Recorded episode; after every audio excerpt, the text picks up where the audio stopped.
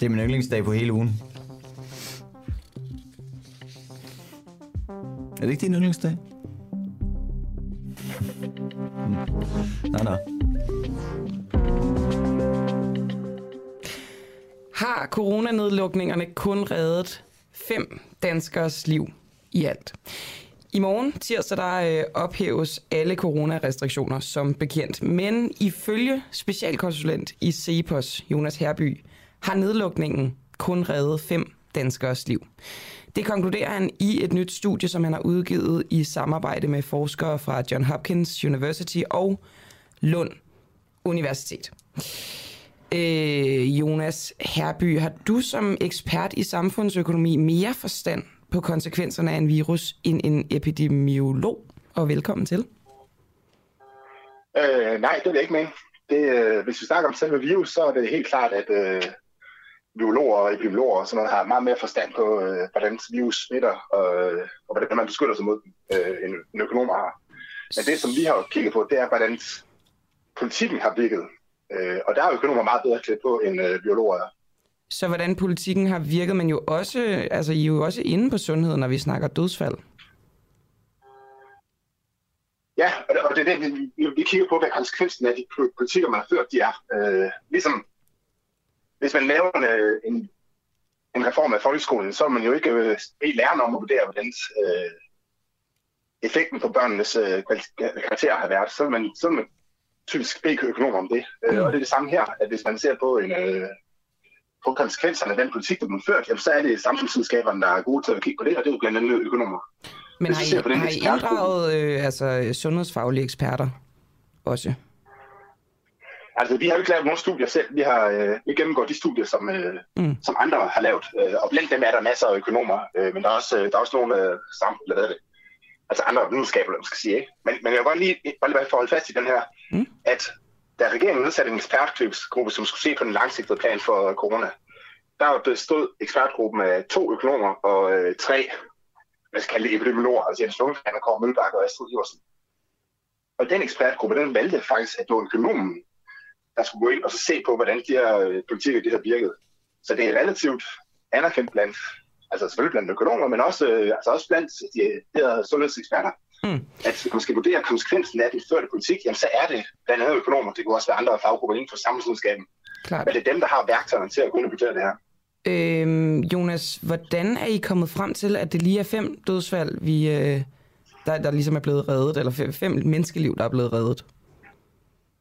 Ja, det som vores metastudie øh, viser, hvor vi gennemgår øh, altså al den videnskab, der alle de studier, der har set på effekten af lockdowns på antallet af døde, øh, så finder den så finder videnskaben samlet set, kan man sige, at en gennemsnitlig lockdown i USA og Europa har reduceret dødeligheden med 0,2 procent. Så i stedet for, at der er døde, øh, så, og hvis vi så overfører det til, til danske forhold, så er det så inden vaccinerne for alvor begyndte at virke, så døde der 2.500 personer. Og kan man og det, altså det, det er jo et metastudie det her, kan man vidderligt bare altså samle en masse forskellige internationale studier, 34 i det her tilfælde, og så overføre det direkte til de danske forhold? Øh, altså, det er jo en interessant diskussion, om man kan sige, at fordi at øh, rygning den reducerer øh, den forventede levetid med 7-8 øh, år, kan man så sige, at en person, der ryger, han kan forvente at leve 7 år, 8 år øh, kortere. Det, det kan man jo nok ikke øh, præcis sige, øh, men vi ved, at vi er i, den, i det område, og det er det samme med det studie her, at vi kan se, at øh, internationalt set, så kan vi se, at når man ser på tværs af lande, eller når forskerne ser på tværs af lande, jamen, så finder de i gennemsnit, at den her lockdown har reduceret dødeligheden med 0,2 procent.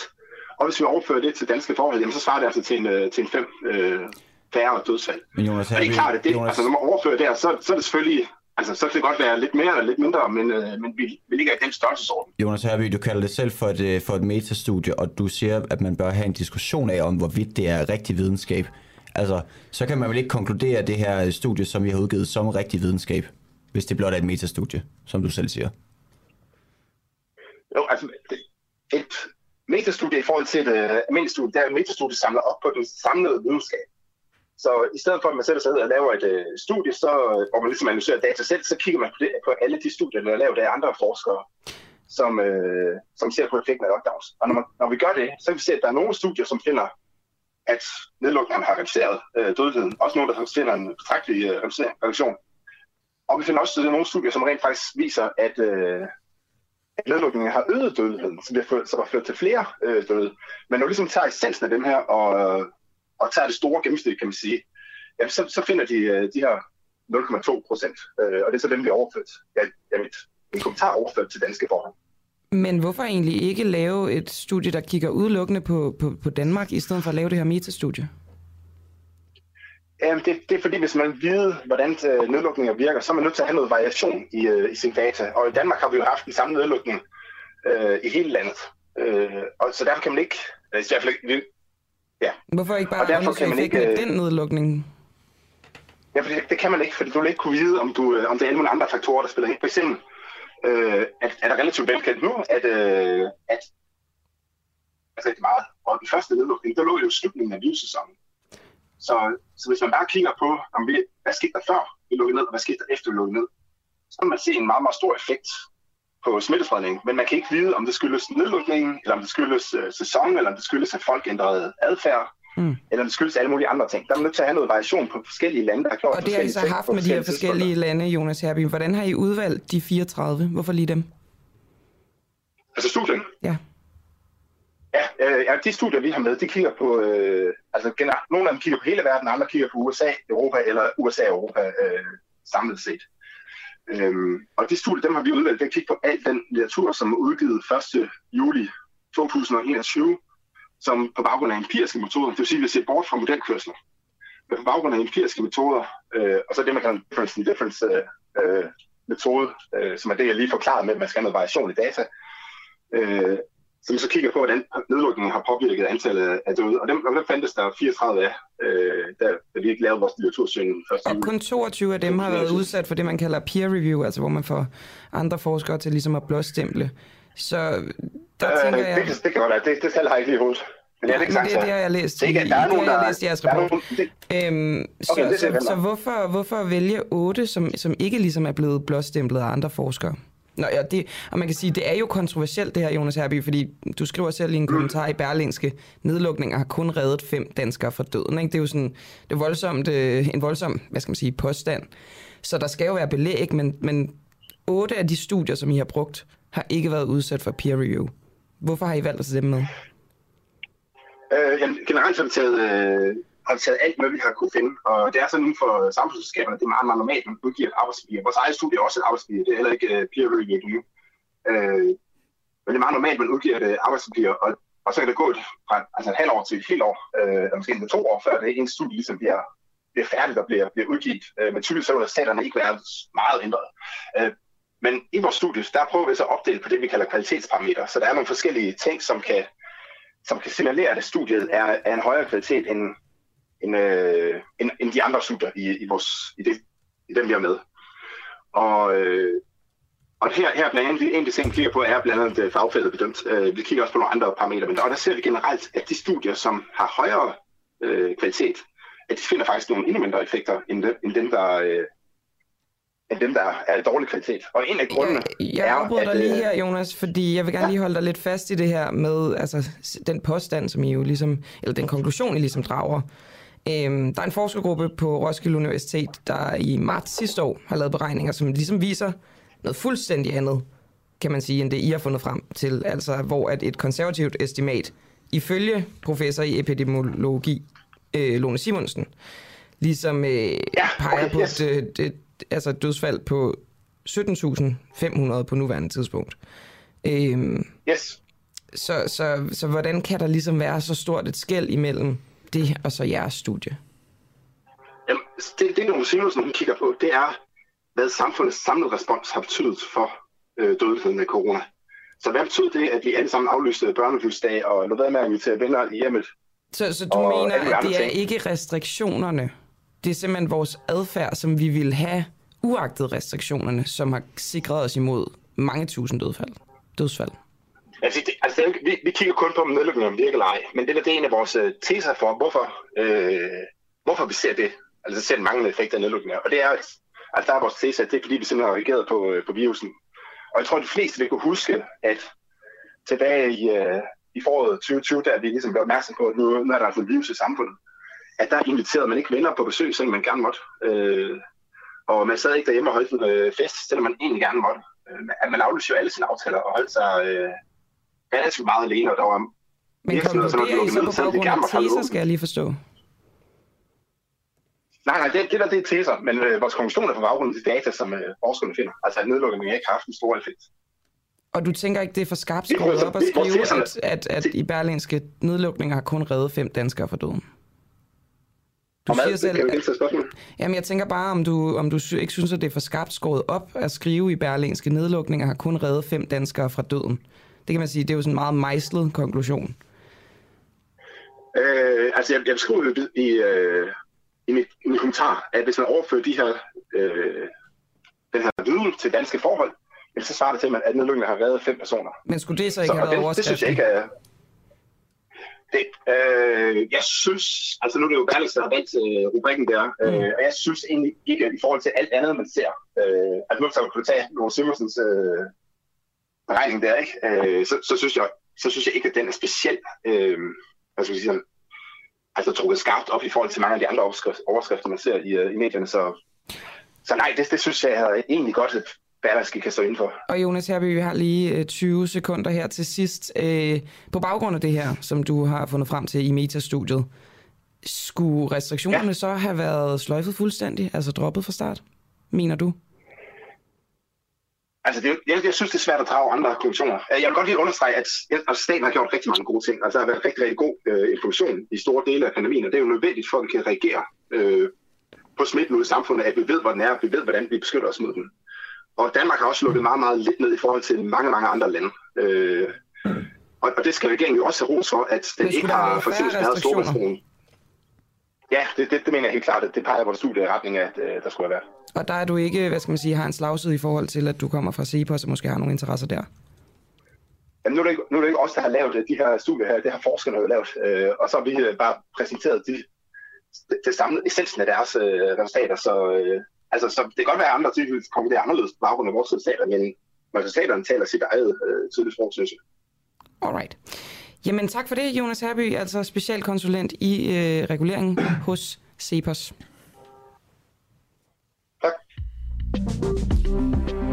Således kom vi i gang med øh, en uafhængig morgen. Godmorgen, den, øh, Nikolaj Juhl. Ja, godmorgen, øh, godmorgen Camilla. Klokken er blevet øh, 12 minutter over, øh, over syv. Og øh, i synes, den her time, der skal ja, vi øh, blandt fortæl. andet øh, snakke med Thor Svendsen, som er miljøingeniør i Aqua. Øh, Arten hedder det.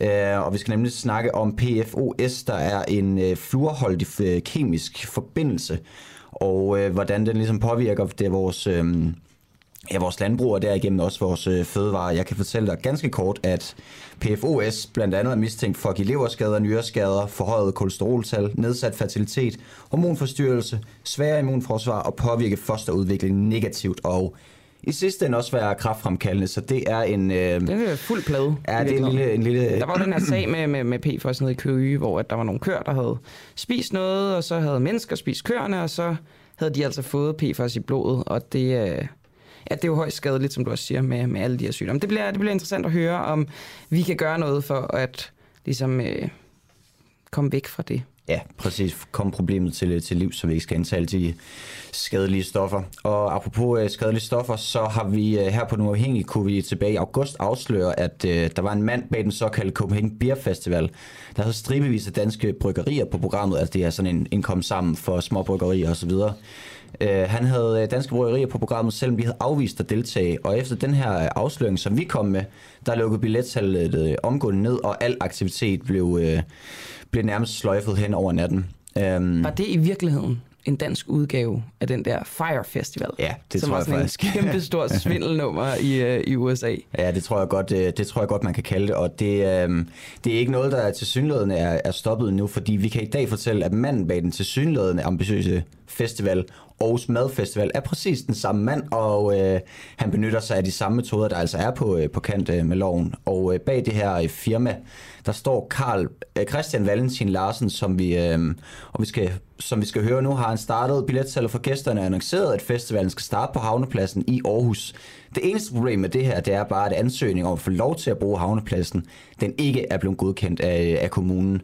Og øh, han har desuden lavet et udtal af ulovlige fakturer til de små erhvervsdrivende i, øh, i Aarhus, der har sagt ja til at deltage.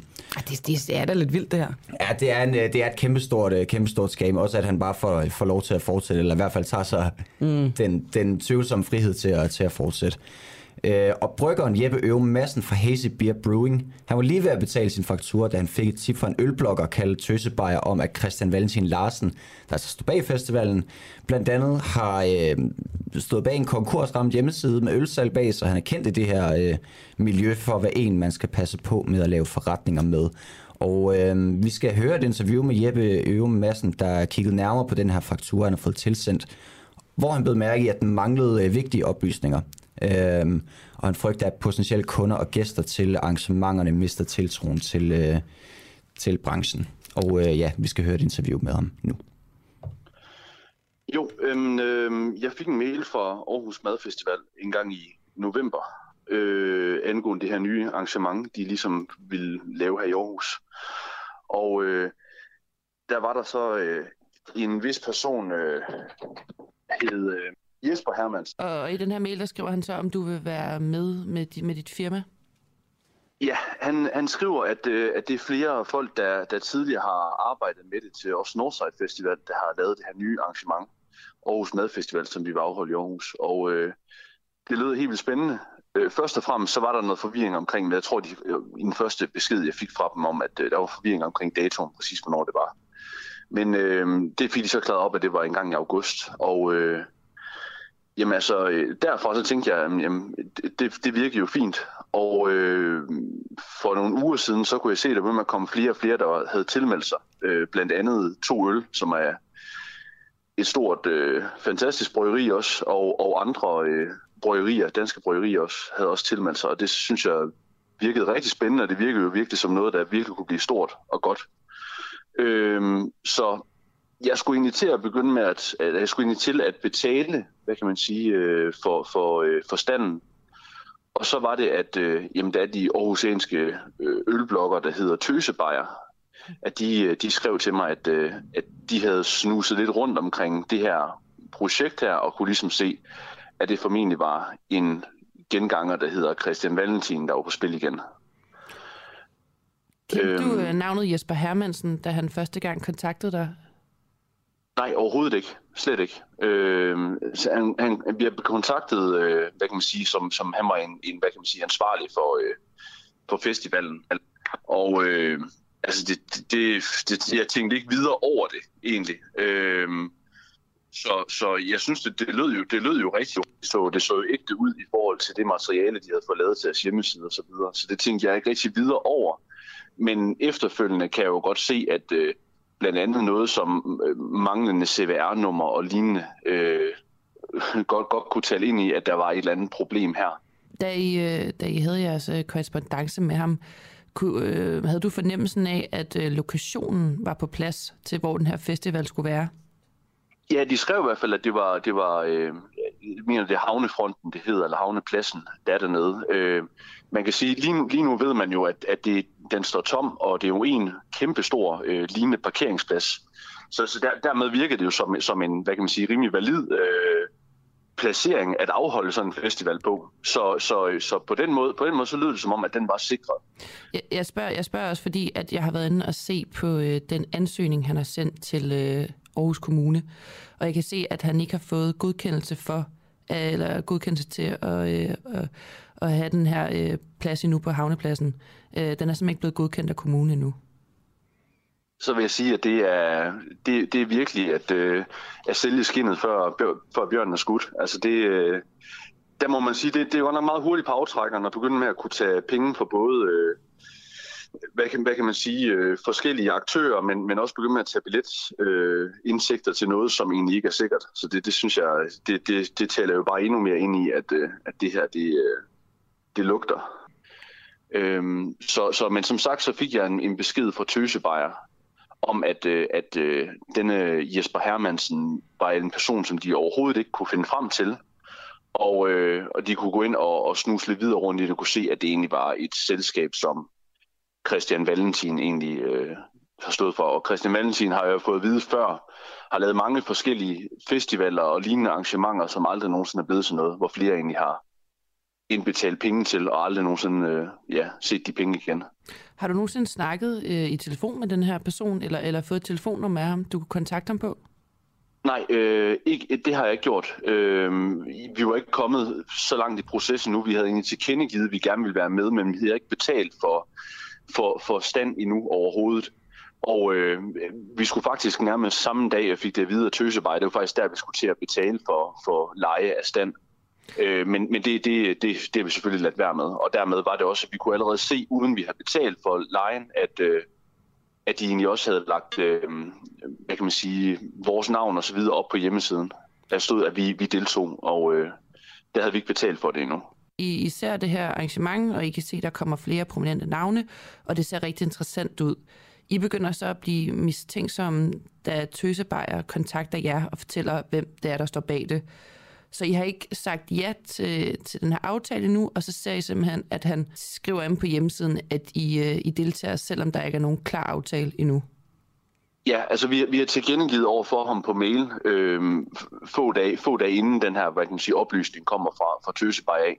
Der har vi sagt, at, øh, at det lyder rigtig spændende, og det vil vi gerne deltage i, og vi, vi venter selvfølgelig på at få en faktur, så vi kan betale for at, at deltage.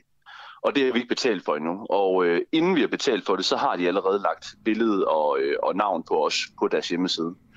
Øhm, og derfra kontakter Tøsebej os, og Tøsebej os og fortæller, at det formentlig er den her person, der står bag. Og der kan vi så bare se skriften på væggen om, at det, det er ikke noget, vi har lyst til at støtte op om, når, øh, når, vi, når vi kan se, at det er, det er en person, der har lavet øh, mange arrangementer før, som, som aldrig er blevet til noget, og egentlig bare har taget penge fra jamen både, øh, både bryggerier og, øh, og andet, øh, og også, også billetpriser for, for helt almindelige folk. Så det synes vi var, øh, ja, ærligt talt noget, noget, noget svineri, og det, og det gider vi ikke at, at, at lægge vores navn til. Hvad, hvad er konsekvensen af, at, at en, øh, en mand som Christian Valentin laver, øh, laver sådan en her finte? Altså, hvem er det, det går ud over? Jamen, det går jo, det går jo ud over, over alle. Det går jo ud over øh, både, nu kan jeg kun tale som, som bryggeri, men, men også, øh, også andre, der kunne tænke sig at deltage på sådan nogle fantastiske arrangementer, som sådan hvad kan man sige, madfestivaler og ølfestivaler kan være. Øh, det gør jo bare, at, øh, at det ikke, det ikke, at folk de måske ikke begynder med at synes, at det er særligt troværdigt, de festivaler måske gider at deltage i frygt om, at det er måske bare noget, der aldrig nogensinde bliver til noget alligevel. Øhm, så, så på en eller anden måde, så, så er det jo bare, at, at, at den her form for, øh, hvad kan man sige, svindel, det, det går jo bare ud over rigtig, rigtig mange mennesker. Altså troværdigheden af os og folks tillid til de her arrangementer, når det så endelig er nogle fornuftige, gode mennesker, der har lyst til at, øh, at lave sådanne arrangementer, jamen altså, så kan det være, at folk ikke rigtig tør tro på det, eller gider betale penge til det, mm. hvis de frygter, at det måske bare er noget fup. Du, du siger også, at der ikke var et CVR-nummer. Øh, på den faktura, du fik sendt, plejer der så normalt at stå et CVR-nummer fra det firma, du skal indbetale til? Ja, absolut. Det, øh, alle, jeg har handlet med førhen, har, øh, har skrevet deres CVR-nummer på faktura. Øh, det er ganske, ganske normalt. Øh, så så det, det, øh, jeg fik alligevel, jeg fik at vide af, af Tøsebejer, at det var så, øh, som sagt, øh, formentlig Christian Valentin, der stod bag det her. Og dermed så var det, at øh, få minutter efter jeg fik det at vide af Tøsebejer, så fik jeg egentlig også bare sendt en faktura fra øh, Aarhus Madfestival, og dermed så, øh, det var ikke noget, jeg alligevel var interesseret i at betale til, så det tænkte jeg ikke over. Det er først efterfølgende med at kigge på, der kan se, at jamen, det er jo fuldstændig rigtigt, der er jo ikke nogen, der er jo ikke noget CVR-nummer lignende, så øh, man skal nok være ekstra opmærksom i fremtiden, når, øh, når man får sådan nogle invitationer. Ja, og den faktur, som Jeppe Ørum Madsen han øh, modtog fra Aarhus Medfestival, og som vi her på Den Uafhængige Øvrigt er kommet besiddelse af, øh, der mangler et, øh, som vi også hører interviewet, et, øh, et CPR-nummer, altså det nummer, man kan identificere en virkelig virksomhed på. Desuden så står der på, at øh, virksomhedens adresse er Havnepladsen i Aarhus. Altså det område, hvor Christian Valentin Larsen endnu ikke har fået lov øh, til at afholde sin festival af Aarhus, øh, Aarhus Kommune. Og øh, juridisk set helt øh, skåret ned, så er øh, en faktur uden CVR-nummer faktisk øh, ulovlig, og vi skal høre et interview nu med øh, jurister og indehaver af rådgivningsfirmaet revisorjura.dk, Jakob Dedenrup Bernhoft her.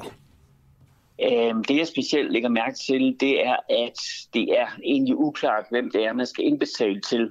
Altså Aarhus Madfestival, altså så vidt jeg kan se, så er der ikke nogen forening eller virksomhed, der hedder det. Altså hvis man begynder at søge, så kan man se, at der er et anpartsselskab, som ligesom ligger nedenunder. Men det anpartsselskab har ikke øh, til adresse på havnepladsen 8000 i Aarhus. Så, så, jeg, så jeg synes, øh, den, den, den, man kan ikke rigtig vide, hvem der man indbetaler pengene til, hvis man, øh, hvis man betaler den her faktura her. Og at er det normalt, at der ikke er et CVR-nummer på, øh, på fakturen? Ja, ja, der skal stå i CVR-nummer på. Det, det er helt klart, det er et formkrav på, på sådan en faktura, og det giver også en entydig identifikation på, hvad det er, man betaler til. Altså CVR-nummer, det er jo lige CPR-nummer for, for, øh, for mennesker, personer, og så et CVR-nummer, det er øh, det tilsvarende, man når vi over i, i selskaber. Og det giver sådan en entydig måde at identificere sådan et selskab på, og det, det står der ikke noget om her. Er, er det... Øh, sådan er det egentlig ulovligt ikke at have et CVR-nummer på en faktura? Ja, ja, altså det, det er helt klart, det er krav efter øh, de regler, der gælder for, hvad en faktura skal, skal indeholde. Og man kan jo sige, at det er meget, meget fundamentalt, fordi øh, hvem er det, man, man betaler til? Det kan man sige. Der er mange andre oplysninger på en faktura, men det er jo ret afgørende, at man ved, hvem er det, man betaler til, når man nu øh, betaler sådan en, en faktura her. Okay, så hvis der ikke er et CVR-nummer, så kan det faktisk, kan, er det så en ugyldig faktura? Jeg ved ikke, man kan kalde den ugyldig på den måde, men, men du har jo ligesom, øh, hvis, hvis du går ned i banken og betaler den her, så ender du egentlig ikke rigtig, hvor pengene bliver af. Og det, der jo er problemet, det er, jamen det her, det er jo, det er jo, det er jo køb af en stand, står der. Men, men hvem er det så, man, hvis du ikke har nogen stand, hvem er det så, du egentlig skal komme efter? Fordi hvem er det, du har købt den her stand af? Det er det, som, som jeg synes, øh, man kan blive meget forvirret over, når man læser sådan en faktura her. Gør, gør det, er det lettere for en person at snyde, hvis der ikke er sat et CVR-nummer på en faktura? Ja, øh, fordi det er jo svært at, kan man sige, hvis man ikke får det, man har købt, altså den her stand her, så kan det jo være svært at komme efter nogen, fordi hvem er det egentlig, man skal komme efter? Der findes ikke nogen Aarhus Madfestival, eller det gør der, men det er ligesom et navn på en arrangement, og på en adresse, hvor, der ikke, hvor de ikke har registreret noget, øh, øh, hvor der ikke er et registreret, kan man sige, at de hjemhørende der. Øhm, så så hvem, hvem er det, man betaler til?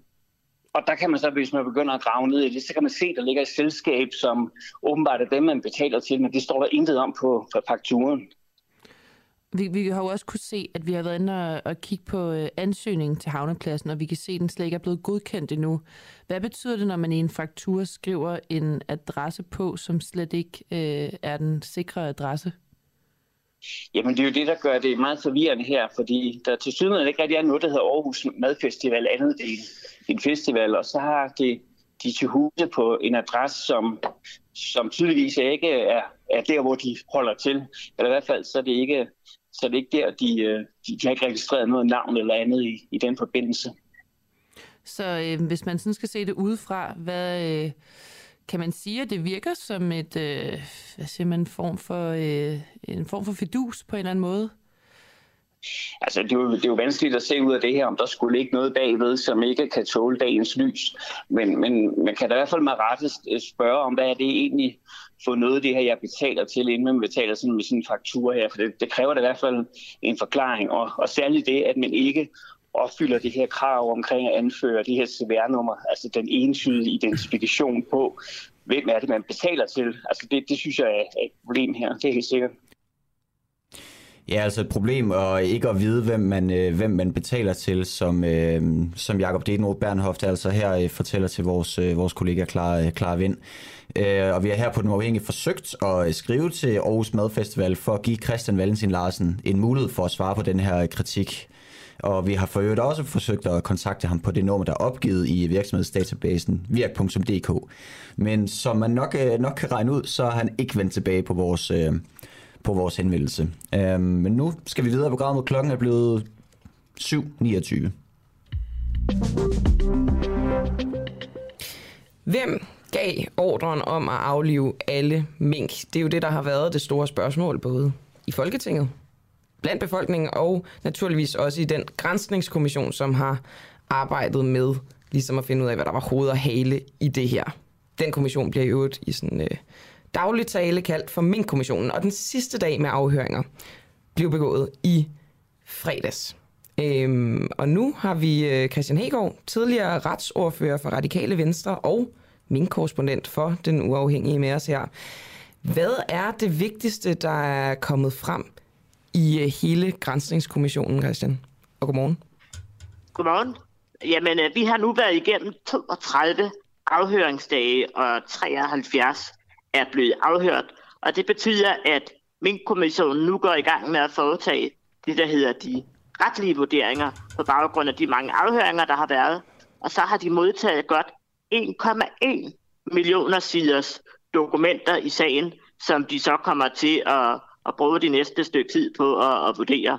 Og så i øh, juni måned, der skal de afgive deres egentlige beretning, altså vurdering af sagen. Og så kan der så komme nogle genafhøringer til april, hvis det er, at kommissionen føler, at man mangler at spørge øh, nogen om noget. Og, og det, jeg synes, man kan sige, det er, at der er noget væsentligt mere kød på den her sag, end man måske først havde antaget. Ikke nødvendigvis i forhold til ministre, men at det her med, at beslutningen øh, kunne ske uden nogen advaret om den manglende lovhjemmel, selvom embedsmænd, øh, flere embedsmænd vidste, og beslutningen kunne blive igangsat uden øh, lovhjemmel, selvom flere embedsmænd vidste. Det er i hvert fald mange, nogle af de ting, der er kommet frem i, øh, i kommissionen. Og det store spørgsmål er jo faktisk at placere ansvaret, til trods for, at Mogens Jensen, daværende fødevareminister, jo faktisk røg på alt det her, så, så er det jo i virkeligheden det, som, øh, som der skal konkluderes. Altså, hvem havde ansvaret for at give instruksen, selvom der ikke var lovhjemmel, Christian Hegård?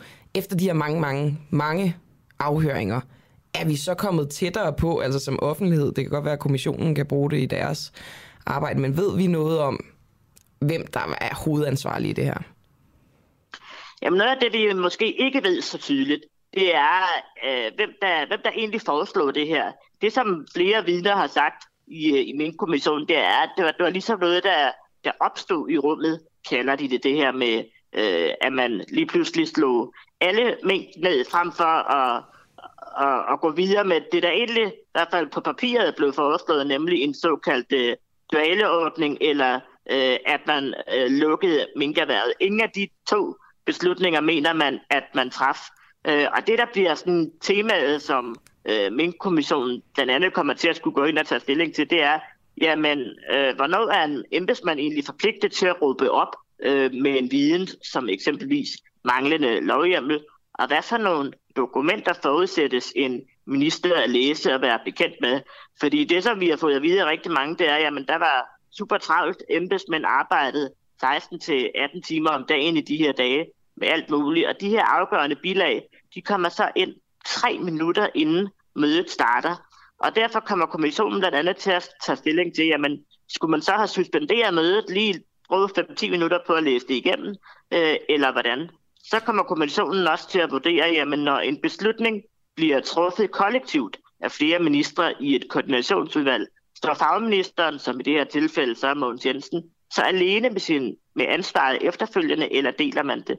Det, det står ikke klart i, i juraen indtil videre. Men hvem var altså øhm, i det her koordinationsudvalg? Hvem sad der, da ideen opstod i rummet, som du siger? Det, man med sikkerhed ved, det er, at øh, Mette Frederiksen sidder for bordenden, så sidder justitsministeren også med, men han var syg i de her dage. Så er finansministeren der, erhvervsministeren og øhm, øh, skatteministeren sådan set også. Og så øh, var der nogen, der var særligt inviteret, nemlig forsvarsministeren, sundhedsministeren og fødevareministeren og udenrigsministeren også. Så en del øh, ministre, så er spørgsmålet, som du siger, skal ansvaret bare være placeret på, øh, på fødevareministeren Mogens Jensen, så har vi ligesom fået afviklet en del af det i hvert fald. Han måtte jo træde tilbage, eller kan det fordeles ud på andre ministre også. Tusind tak, Christian Hegård, for lige at opsummere fra, øh, fra den sidste afhøring i fredags. Selv tak. Kan en pengepræmie, stor, kæmpe pengepræmie, kan den styrke dansk kvindefodbold? Det finder vi ud af lige om en øh, ja, 5-10 minutter tid, hvor vi skal snakke med Nikolajs K. Nordstrøm, der er chef for øh, Gensidig Kvindeliga og øh, Kvindepokalen. Fordi DBU og Gensidig Forsikring har nemlig indgået en aftale, der betyder, at kvindernes pokalturnering nu belønnes med 150.000 øh, kroner i pengepræmie. Og det er så spørgsmål, om det kan løfte dansk kvindefodbold. Om der bare skal sendes flere penge, om, ja, om det er det hele taget er løsning på problemer. Og så vil jeg også lige tillade mig at tease for noget, der sker 10 minutter over 8 cirka. Der skal vi tale med Peter Vigo Jacobsen, og det er jo altid en fornøjelse med en, øh, en vidende herre. I dag skal vi snakke med ham om et øh, kampfly. Et amerikansk kampfly, som er styrtet ned i international farvand ud for Kina. Og det her kampfly, det er nærmest en øh, sådan form for computer, som har en masse teknologi, der kan gøre andre ældre kampfly bedre. Øhm, og så er det ligesom blevet lidt et kapløb, fordi når et fly ligger i international farvand, så må alle tage det. Præcis. Så det kunne kineserne, som altså ikke har den her teknologi, godt have lidt en interesse i. Øhm, ja, så det glæder jeg mig til at høre mere om fra Peter Vigo. Lige præcis. Er European Film College færdig med den krænkelseskultur, der har hersket? En ny og øh, uvildig undersøgelse viser, at der i flere år er blevet begået grænseoverskridende adfærd og seksuelle overtrædelser og krænkelser på elever og medarbejdere på European Film College. Nikolaj Davidsen, du er ny forstander på European Film College. Hvor mange er blevet fyret som følge af seksuelle krænkelser, og godmorgen? Godmorgen. uh, hvor mange er blevet fyret? Altså, fyret. ja, uh, altså jeg ved bare, at jeg startede med, uh, med at skulle ansætte fem lærere i sommer. Det vil sige, at du Nej. skulle øh, fylde øh, fem huller ud af fem, der var fem, blevet fyret? Fem ud af ni lærere mm. af de faste lærere er, er, øh, har jeg skulle ansætte fra start af. Det vil sige, det over halvdelen af kollegiet er et nyt hold. Ikke? Alright, og, og de her fem øh, nye pladser, som skulle besættes, var de tomme på baggrund af det, som den her undersøgelse øh, har konkluderet, eller på baggrund af det, der er foregået af krænkelser? Jeg ved faktisk ikke, hvordan øh, forholdene er omkring øh, det gamle hold sag op, altså dem, der, der ikke er der mere. Øh, der var en, der sagde op, øh, lige da jeg kom, men øh, ellers øh, var det noget, der var sket, inden jeg kom. Øh, ja. Så, så du ved ikke noget om, om det havde noget med, med den her, de her sager at gøre? Nej, jeg fik bare øh, at vide, hvad det var, jeg skulle ansætte. Og fik du så også at vide om sådan, at du skulle sikre dig nogle ting, når du ansatte? Ja, altså jeg skulle øh, tage referencer. Jeg har ikke været vant til på min tidligere arbejdsplads, øh, at man sådan på den måde skulle øh, få to referencer på alle nyansættelser. Men det, det, er en, det har jeg skuldet her. Og er det sådan noget, man har gjort på European Film College altid, når man har ansat folk? Det ved jeg heller ikke. Men det kunne godt være, at det var noget, man mente, man skulle have strammet op på også. Ikke? Hvor mange klager har, har ledelsen modtaget i løbet af de her år? Altså øh, bagudrettet? Ja. Det ved jeg ikke. Okay. Altså, jeg, jeg har ikke, jeg er ikke øh, blevet ansat til at rydde op i fortiden. Det er mm. ligesom, det har, det har bestyrelsen stået for. Jeg er blevet ansat til at, at, at, at kigge fremad og, øh, at, få, at få nogle nye tiltag ind på skolen. Okay. Men, men øh, er du sådan blevet briefet om, hvad der ligesom er foregået? Det er vel også på en eller anden måde en del af at kunne se fremad, at man ligesom ikke falder ned i de gamle fælder og faldgrupper? Ikke andet, end, ikke andet end, hvad I også er blevet briefet om i den øh, presmeddelelse. Altså, at der har været øh, en sag med en medarbejder, øh, der har øh, groomet en, en, øh, en eller flere elever, øh, og at øh, og der så i, i forlængelse af det kom en, en masse op med nogle andre elever, som også havde oplevet dårlige oplevelser på skolen. Og som så gjorde, at den her undersøgelse er blevet lavet, øh, og som viser, at der jo var mere end, end, end hvad, hvad de vidste, da det gik i gang. Men det, men det igen, altså det, er ikke, det har ikke været mit bord specielt, og, og jeg har heller ikke haft noget med den undersøgelse at gøre. Mm. Øhm, så så øh, hvis det er det, I er meget interesseret i, så skal I snakke med Jørgen, fordi at Jørgen Jamen, Ramstrup... Ja, helt klart, men det, det er det egentlig heller ikke. Jeg er faktisk mere interesseret i, hvordan du ligesom har tænkt dig at se fremad, men det jeg bare stus over, det er det der med, bør man, skal man ikke vide, hvad der ligesom er gået galt, hvad der har været af fejl fra ledelsens side, før man kan vide, hvordan man skal gøre det anderledes? Jamen, jeg har ligesom, jeg er gået til en jobansættelse, hvor jeg har sagt, hvordan jeg vil gøre, hvis jeg skulle være på den her skole. Øh, og det, det var sådan set bare, at jeg reagerede på, at jobbet var der, og så tænkte jeg, hvis jeg skulle være på, på den her skole, så skulle det være i, i samarbejde med min kone, øh, som er øh, Åsa, og øh, så skulle vi ligesom kombinere det, vi øh, vores erhvervserfaringer hidtil, og så skulle vi lave en, en højskole med film. Og hvad øhm, helt konkret, Nikolaj Davidsen, hvad, hvad har I så tænkt jer at gøre for at sikre jer, at den her kultur ikke opstår på jeres vagt? Jamen, helt grundlæggende, så synes jeg jo, at, øh, at det, som er vigtigt med, med den her skole, det er, at det ikke skal være en forskole til filmskolen. Altså, det skal være en højskole.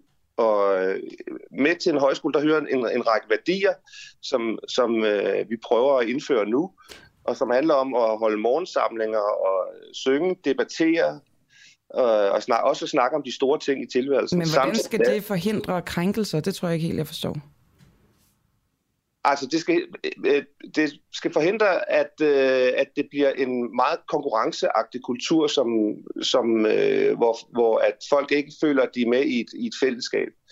Jeg, jeg mener, at, at det, det, er, det der med, at man mødes hver dag, øh, hver morgen klokken 9, og har en halv time sammen hele huset, det gør, at der, at der bliver en sammenhængskraft i huset og et fællesskab, som gør, at, øh, at det bliver i hvert fald lettere at tale om det, hvis der opstår noget.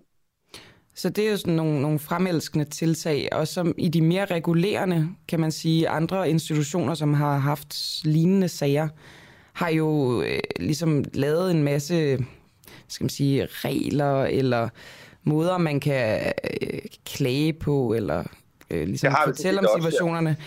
Har I også lavet sådan nogle initiativer?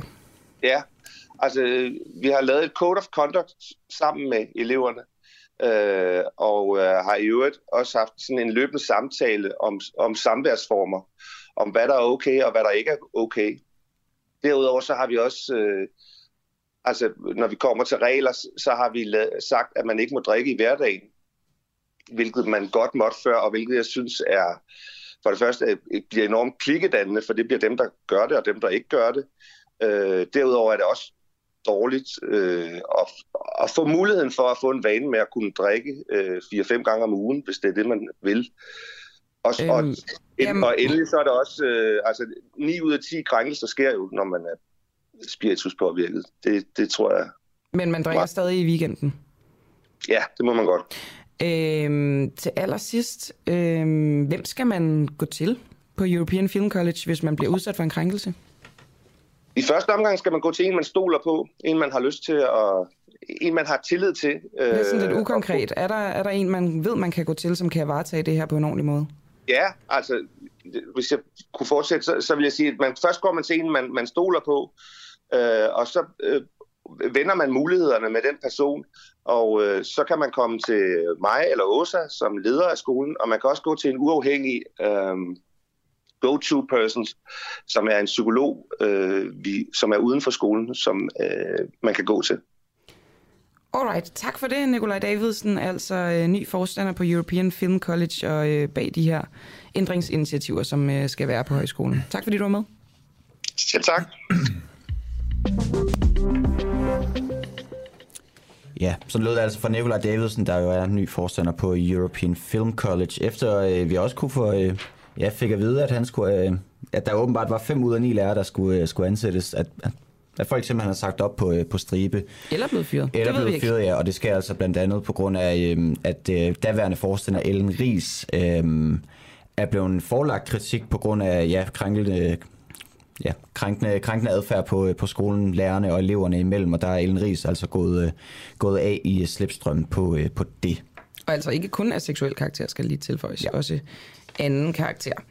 Godt, du øh, fik lige øh, teaset lidt for det, Nikolaj. Mm-hmm. Vi skal mhm. snakke om pengepræmier i kvindefodbold. Mere specifikt, at øh, DBU, Dansk Boldunion og Gensidige Forsikring har indgået en aftale, som betyder, at en sejr i kvindernes pokalturnering her i Danmark nu bliver belønnet med 150.000 kroner, og kan en pengepræmie være med til at styrke kvindefodbolden. Nikolaj K.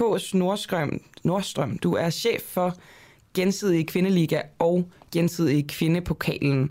Hvordan kan 150 kroner i pengepræmie til sejr kvinderne løfte kvindefodbold? Og godmorgen. Jamen jo, godmorgen. Jamen øh, det her er et, et vigtigt skridt i den udvikling, som vi har været i gang i rigtig længe. Øh, vi arbejder i øjeblikket med sådan en femårsplan i DBU, hvor vi i samarbejde med klubberne og UEFA Grow har sat hånden på kogepladen omkring, at vi øh, skal udvikle gensidig kvindeligaen og kvindefodbolden generelt. Og vi er lige nu gået ind i år tre, og den her proces om at skaffe flere midler ind i dansk kvindefodbold, der, der er det her nye, den nye aftale med gensidig enormt vigtigt vigtigt skridt. Så, så det er et, et rigtig godt signal om, at der sker nogle positive ting i dansk har det, har det størst signalværdi, eller har det ikke sådan en konkret værdi? Fordi altså, jeg tænker, Jamen, det, er... det, det, det, det, det sejrende hold, der får 150.000 kroner. Hvordan hjælper det konkret at løfte kvindefodbolden på et niveau, hvor at alle for eksempel kan leve af at spille kvindefodbold? Jamen, øh, det er jo et, et vigtigt brik i at gøre tingene mere professionelle. Det er, at der også kommer nogle større pengepræmier ind i kvindefodbold. Lidt ligesom vi ser det i Champions League på kvindesiden. Der er pengene også blevet meget, meget større, end de har været hele tiden, hvilket jo HB Køge har haft enormt god gavn af, da de har spillet Champions League øh, sidste år. Så det er enormt vigtigt at få økonomi ind i dansk kvindefodbold, og der er, er 150.000 til et kvindehold. Det er, det er en ganske fin lille ting at få, få med oven i hatten. Og øh, hvad gør I ellers, som skal løfte kvindefodbolden? Har I øh, sikret nogle tv-aftaler eller, eller andre ting? Ja, det, øh, det har vi jo. Vi, jo. vi arbejder på den her femårsplan, og det var jo sådan, at vi i håb om, at øh, i år 5, at vi øh, gerne vil have en ugentlig tv-kamp. Nu er vi i uge 3, i år 3, og øh, vi er jo netop i den her sæson startet en ny tv-aftale, hvor samtlige kampe bliver vist øh, på Viaplay og TV3 Sport. Så vi er jo, er jo rigtig glade og tilfredse for, at det går så stærkt, som det gør, fordi det havde vi jo ikke to håb på. Øh, samtidig med, at vi har en, en, en hovedsponsor som gensidig, som vil være med til at udvikle kvindefodbolden. Så det går rigtig, rigtig stærkt i kvindefodbold, både i Danmark, men også i Europa. Og der er det vigtigt, at vi øh, gør alt, hvad vi kan for at hænge med. Og det er jo sådan, at øh, tv-penge har jo en, en hel del at sige for at kunne løfte en, en sportsgren økonomisk. Øh, er der andet end øh, pengepræmier og tv-penge, som øh, er en del af den her femårsplan? Ja, vi arbejder jo rigtig meget på at øge kendskabsgraden øh, til produktet øh, kvindefodbold og gen, gensidig kvindeligaen. Og der har vi nogle rigtig gode samarbejdspartnere i klubberne, fordi vi har ligesom sat os fælles ned og sagt, at hvis vi skal løfte det her, så skal vi gøre det i fællesskab. Og der har vi en masse spændende tiltag omkring, hvad vil vi gøre for at, øh, at øge produktet, fordi det er jo også sådan, vi bliver nødt til at se på det. Det er et produkt i dag. Øh, gensidig kvindeligaen. Og der har vi en masse spændende planer for, hvordan vi kan gøre det mere attraktivt også at, at komme ud og se kvindekampe. Og hvis vi så lige går tilbage til det her øh, beløb, 150.000 kroner, hvordan endte I på det? Ja, det er jo, kvindepokalturneringen er jo en lidt mindre turnering, hvis du kigger over mod mændene, selvom vi jo på mange områder ikke sådan synes, vi skal sammenligne os med mændene. Men nu har der været et skridt i, at at nu, nu skulle der ske noget også med den økonomiske del af, af ligaen, øh, pokalturneringen. Så derfor så var vi bare naturligt at tænke, nu øh, tager vi det her beløb, og så kan det være, at det bliver større til næste år, og ja, om tre år, så er det måske endnu større. Øh, så det er sådan noget, der udvikler sig hele tiden, og det er jo bare ja, rigtig, rigtig fint for klubberne. Er det her en, en form for kunstigt åndedræt til kvindefodbolden? Nej, det er det bestemt ikke. Det er, vi arbejder enormt målrettet på, at det netop ikke bliver sådan en eller anden form for boble. Vi øh, har nogle ret fine licenser i DBU, hvor, vi, hvor klubberne langsomt skal bygge tingene op. Og vi arbejder meget ud fra sådan et princip, at hvis vi sætter nogle krav, vi aftaler i fællesskab, når man opfylder dem, så får man nogle penge. Øh, vi har altså set et eksempel op i Norge, hvor der på et tidspunkt kom rigtig, rigtig mange millioner ind. Og det, der skete for en stor fejl, det var, at de gik bare ind og hævede lønningerne helt vildt til alle spillerne. Og så gik der bare 3-4 år, så var alle pengene væk. Det kommer ikke til at ske i Danmark. Ja, fordi det er jo det, man ligesom diskuterer om, altså en, en, en salvantindsprøjtning ligesom kan være med til at skabe nok opmærksomhed til, at sporten kan holde sig selv i live. Men det er altså ikke det, jeg arbejder ud fra. Nej, vi arbejder bare generelt på at gøre økonomien stærkt rundt omkring i klubberne, øh, og det er også med både tv-penge, præmiepenge, placeringspenge.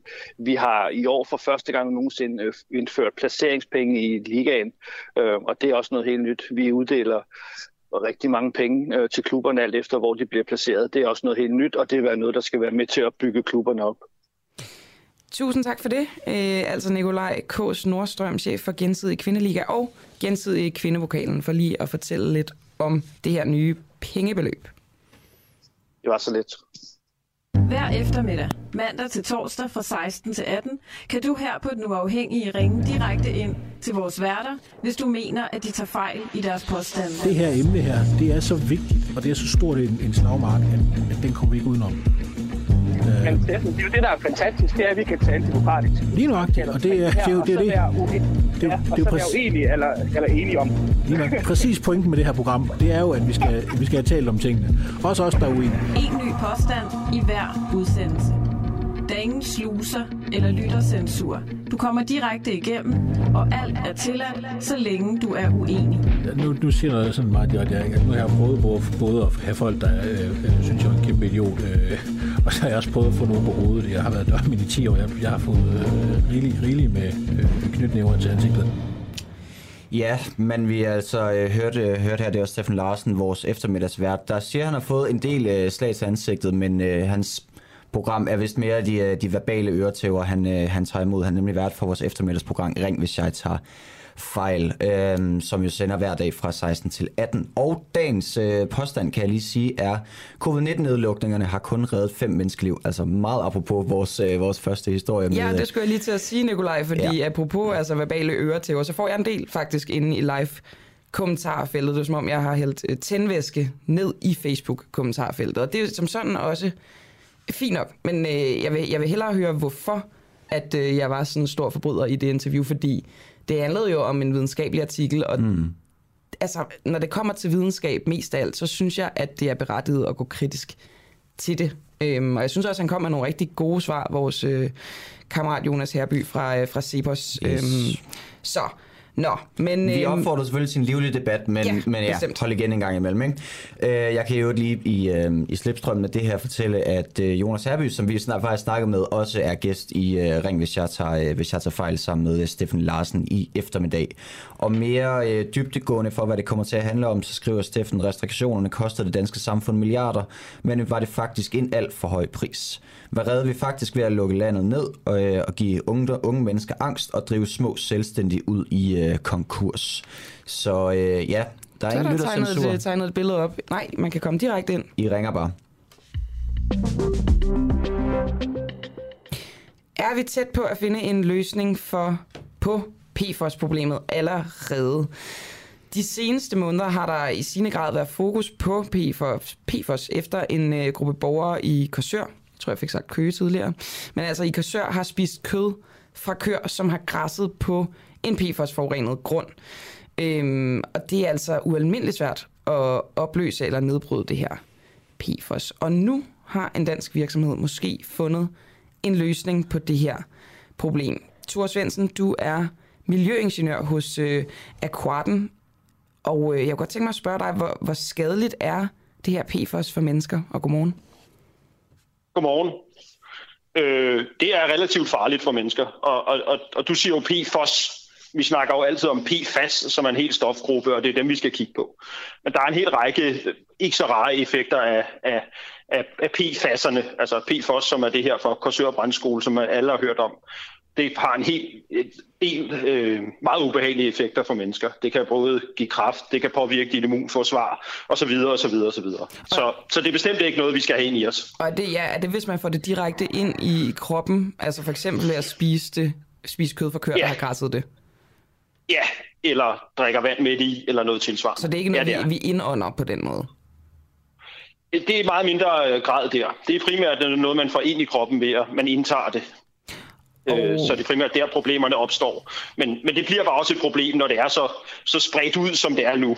Så hvis vi måler i dig eller i mig, så har vi det faktisk i kroppen, selvom det er stoffer, som ikke findes naturligt. Og det er jo det, man finder mere og mere ud af, hvor udbredt det egentlig er. Men hvad er det så, I har fundet ud af i forhold til at kunne ja, redde os fra PFOS'en?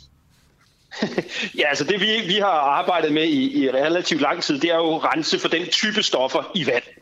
Det vil sige, når du har det i det vand, der løber ud fra bremskolen, eller du har det i noget vand, der kommer fra en losseplads, eller har det i noget vand et andet sted, eller i noget drikkevand, så kan vi rense det ud af vandet, så det ikke er der længere, så det bliver opkoncentreret et andet sted. Og så efterfølgende kan vi så også nedbryde det, så det er helt væk. Det er det, vi har fundet ud af.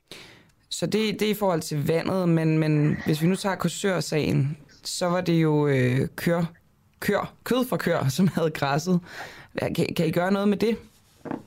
Jo, jo men altså, det, det er jo helt konkret. Det er jo fordi overfladevand, altså vand, der mm. regner ned på, på, på brandskolen, det løber af, og så er det desværre løbet ned over en eng, hvor der er gået kør og græsset. Okay. Og, og, og det er jo fordi, de, de, de græsset, det har optaget det PFAS, som kom fra vandet. Så dernede, der har vi helt konkret sat et anlæg op, som nu står og renser al overfladevandet. Altså det, der regner ned og løber af på overfladen, det er der ikke mere. Det, det, det problem, det, det kan man sige, det er i hvert fald løst indtil videre.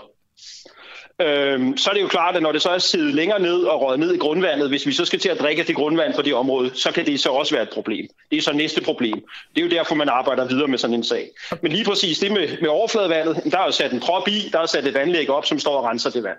Så der kan man godt sige, på Korsør, ja, den, det er ligesom en brand, ikke? der har vi stoppet det, det der er brandfarligt lurer her, altså mm. på den vej rundt. Men kan, kan, I, kan I også rense grundvandet, eller hvordan? Ja, ja det, det, det kan vi også godt. Problemet er bare, at det er smadret svært, fordi det er et meget, meget stort areal, det hurtigt spreder sig til. Altså, det, det er jo ikke bare lige at pumpe vandet op i et lille sted og sige, nu renser vi det her. Det er det, hvis vi skal have drikke det, men hvis det har spredt sig i et stort område ned under jorden, jamen, så er det rigtig meget vand, der skal pumpes op, og noget af det vil jo også blive hængende dernede i, i meget, meget lang tid. Så det kan vi godt, men det er bare ikke let. Og den anden store udfordring i det her, det er, at der er rigtig mange kilder til de her stoffer. Det vil sige, at det, det findes overalt. Og, og, og, og selvom vi ville synes, det var rigtig sjovt at rense rigtig, rigtig meget vand, så skal der også være noget, noget fornuft i, i at rense alt det vand. Altså, Jamen, du kan jo se, nu har der været Ja, undskyld. Jamen, det er fordi, nu, nu snakker du om fornuft, fordi lige i mit hoved, så tænker jeg, okay, det kan godt være, det kræver en masse tid, ressourcer og arbejde, men altså for, for at imødegå, at vi alle sammen får cancer og bliver infertile af PFOS, kunne man så ikke bare stille jeres anlæg op over det hele i virkeligheden? Jo, det vil, det vil vi da også rigtig, rigtig, rigtig gerne gøre.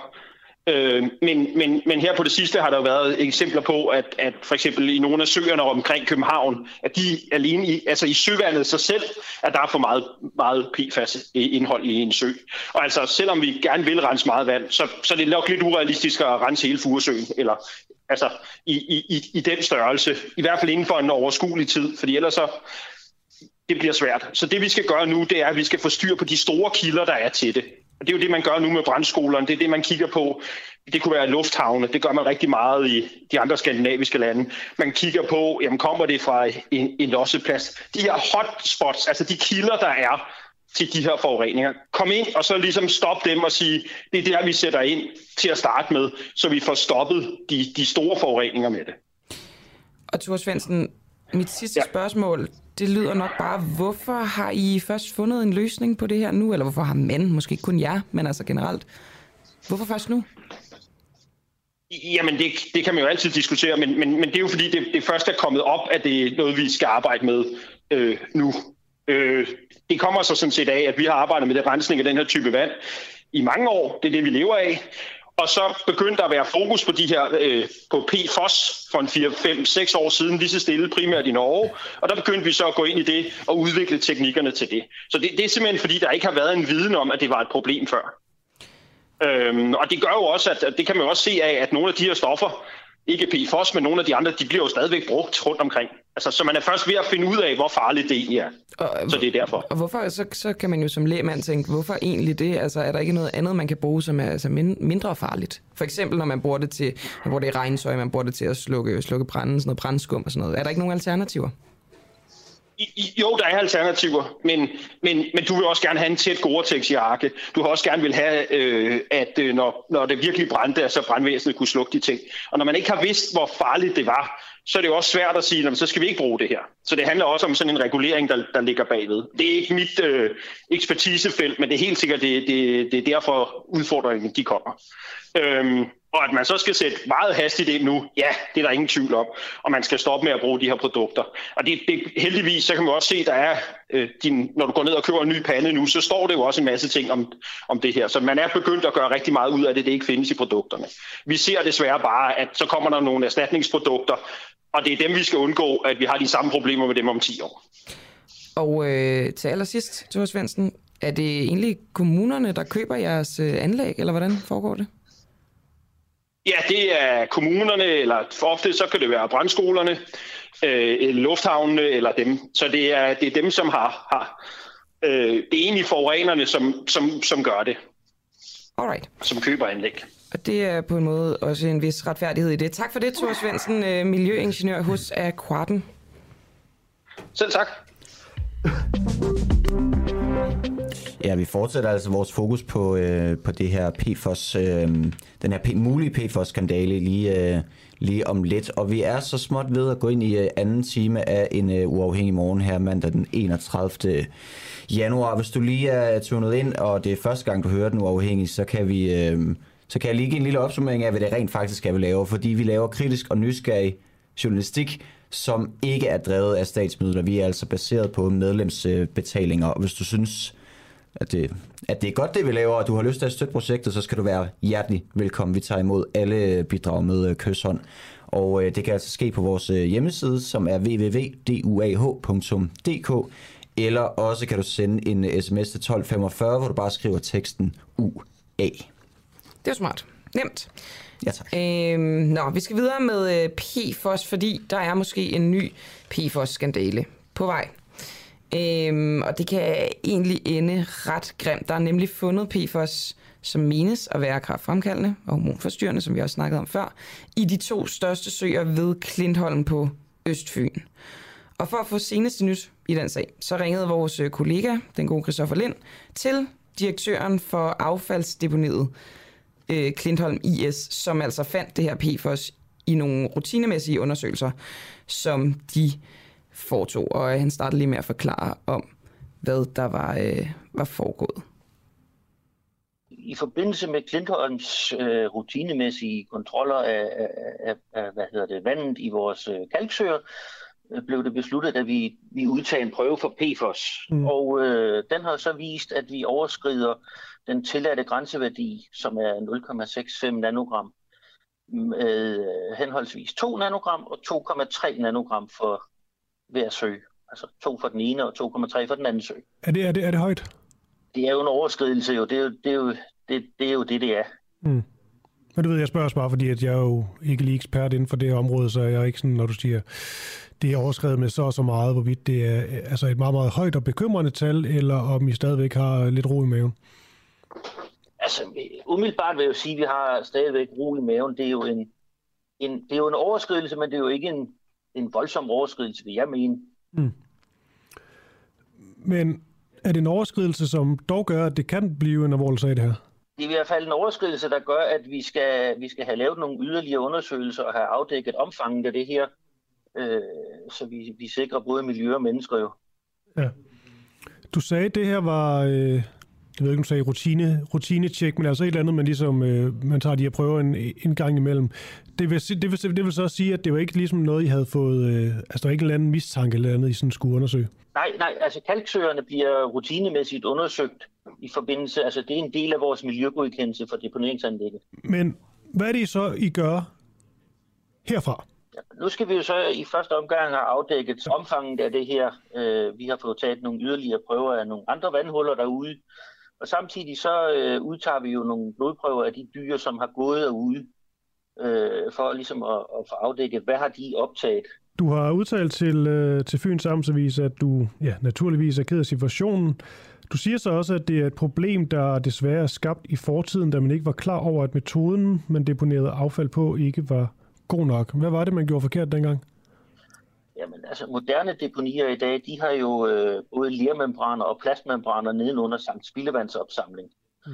Øh, gamle deponier og fyldpladser er jo etableret uden det, vi kalder bundmembran. Men betyder det så også, at, øh, at chancen for eksempelvis sådan noget som giftstoffer er kommet med, groft sagt, det, de var, det var større dengang?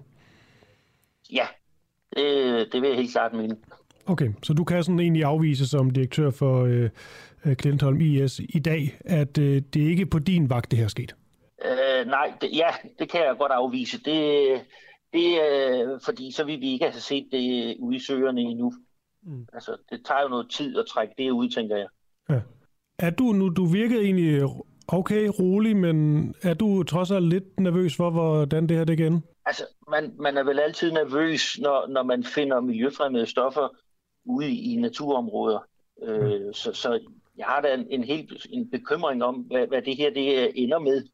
Ja. Øh, men, men vi er jo nødt til at, at få lavet nogle analyser først, for vi, sådan vi ligesom kan afdække øh, ja. omfanget af det her.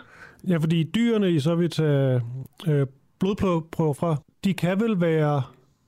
Altså, der kan vel være dyr, der, der, er, blevet, øh, der er blevet slagtet og solgt, og så er blevet spist af, ja, af, også, af også mennesker. Det er, jo, det er jo noget af det, vi skal have, have kortlagt om, om indholdet i de dyr, der går derude nu. Jo, altså, og det kan jo så danne grundlag for, mm. hvad, hvad, hvad de dyr, der så tid, tidligere er blevet slagtet, kan have indeholdt. Okay. Hvem er det, man kan tale om i forhold til, til, til det her, hvis der rent faktisk er, er sket det her, at der er kommet ja, ja, giftstoffer? Altså, er det, er det din, øh, din forgænger, eller hvem er det? Ej, jeg tror, det, star- det stammer længere tilbage. Øh, altså, man siger, Klintholm-samarbejdet, Klintholm er jo grundlagt allerede til, øh, tilbage i 1976. Så, så vi skal jo langt tilbage i tiden også, mm. øh, hvor de her stoffer begyndte at komme frem også. Okay. Men kan de så have været der Altså, skal de så have været der i rigtig mange år, hvor man ikke har fundet dem? Det kan jeg så ikke svare, altså det kan jeg jo af god grund ikke svare på, om de har været der før, altså øh, i hvilket omfang, at de så er, er, er blevet udvasket af det her, og, og så kommet ud. Øh, mm. Men fokus er jo på, at de er der nu jo. Ja, jeg mener også mere i forhold til øh, de her øh, faste, vel standardagtige prøver, I, øh, I tager, der har I bare ikke øh, vel før i tiden fundet noget? Ja, men øh, man har ikke øh, analyseret for PFOS tidligere. Okay, det er sådan der. Det, yes. det er noget, man er begyndt på nu her, sige de lyset af, af, af de, de andre sager rundt omkring i Danmark. Ja. Ja, og det var altså vores øh, kollega Christoffer Lind, der talte med Martin Johansen, der er direktør for Klintholm øh, IS. Og jeg synes, noget af det mest bemærkelsesværdige ved, øh, ja, ved den her sag, det er, at man altså, i Klintholm IS i et rutinemæssig undersøgelse har fundet ud af, at der simpelthen er en, øh, en, en PFOS, øh, mulig PFOS-skandale under, øh, under opsejling. Det her øh, fluorholdige øh, øh, kemiske, kemiske stof, der altså øh, påvirker leveren, nyrerne og kolesteroltallet, faciliteten, øh, immunforsvaret, fosterudviklingen, og så er det i sidste ende måske også kraft, øh, kraftfremkaldende. Meget, meget øh, ja, foruroligende nyheder, synes, øh, synes jeg per, øh, personligt. Jeg tænker lige, at jeg laver en overflyvning over nogle af de ting, vi skal bruge den sidste del af morgenudsendelsen på. Som sagt, øh, som vi sagde tidligere, skal vi lige om lidt snakke med Peter Viggo Jacobsen om jagten på det her superkampfly, som er styrtet ned i det sydkinesiske hav, og som øh, amerikanerne gerne vil have tilbage, fordi det er deres. Men som kineserne måske også gerne vil have, fordi det er en teknologi, som de ikke selv har. Det bliver spændende. Vi skal også snakke lidt om øh, valget af præsident i Italien, øhm, og så mangel på, på pædagoger i institutioner, og så, Nikolaj, noget jeg har glædet mig meget til, fordi jeg øh, synes, det er rigtig spændende, at virksomheder i den grad er gået i gang med simpelthen at greenwashe sig. Og det er altså også noget, som øh, Greenpeace i Norden nu beskylder Mercedes-Benz for. Ja, lige præcis. Jeg kan lige nå nævne en, øh, en ret øh, er opsigtsvækkende nyhed, fordi den fængslede spionchef øh, Lars Finsen, han er blevet indkaldt i vidne til en, øh, en agentsag. Altså den fængslede efterretningschef og flere andre, øh, flere andre her blandt øh, redaktører fra de danske, de danske aviser er blevet indkaldt i vidner i den sag om, øh, om Ahmed Samsam, der prøver at bevise, at han har været øh, agent for Danmark. Øh, han sidder lige nu fængslet i Spanien, øh, tiltalt for, øh, for terror. Og øh, spionchefen Lars Finsen har altså været fængslet siden den 8. december, øh, fordi han ifølge anklagen har lægget yderst fortrolige oplysninger. Og han er fængslet bag de her såkaldt dobbeltlukkede døre, så offentligheden ikke ved, hvilke oplysninger han har givet videre. Men nu er man altså begyndt at spekulere i, at det drejer sig om oplysninger om den her danssyre Ahmed Samsam, der i 2017 blev fængslet for at tilslutte sig islamisk stat. Men øh, selv fortæller han, at han har arbejdet som, øh, som agent for de danske efterretningstjenester.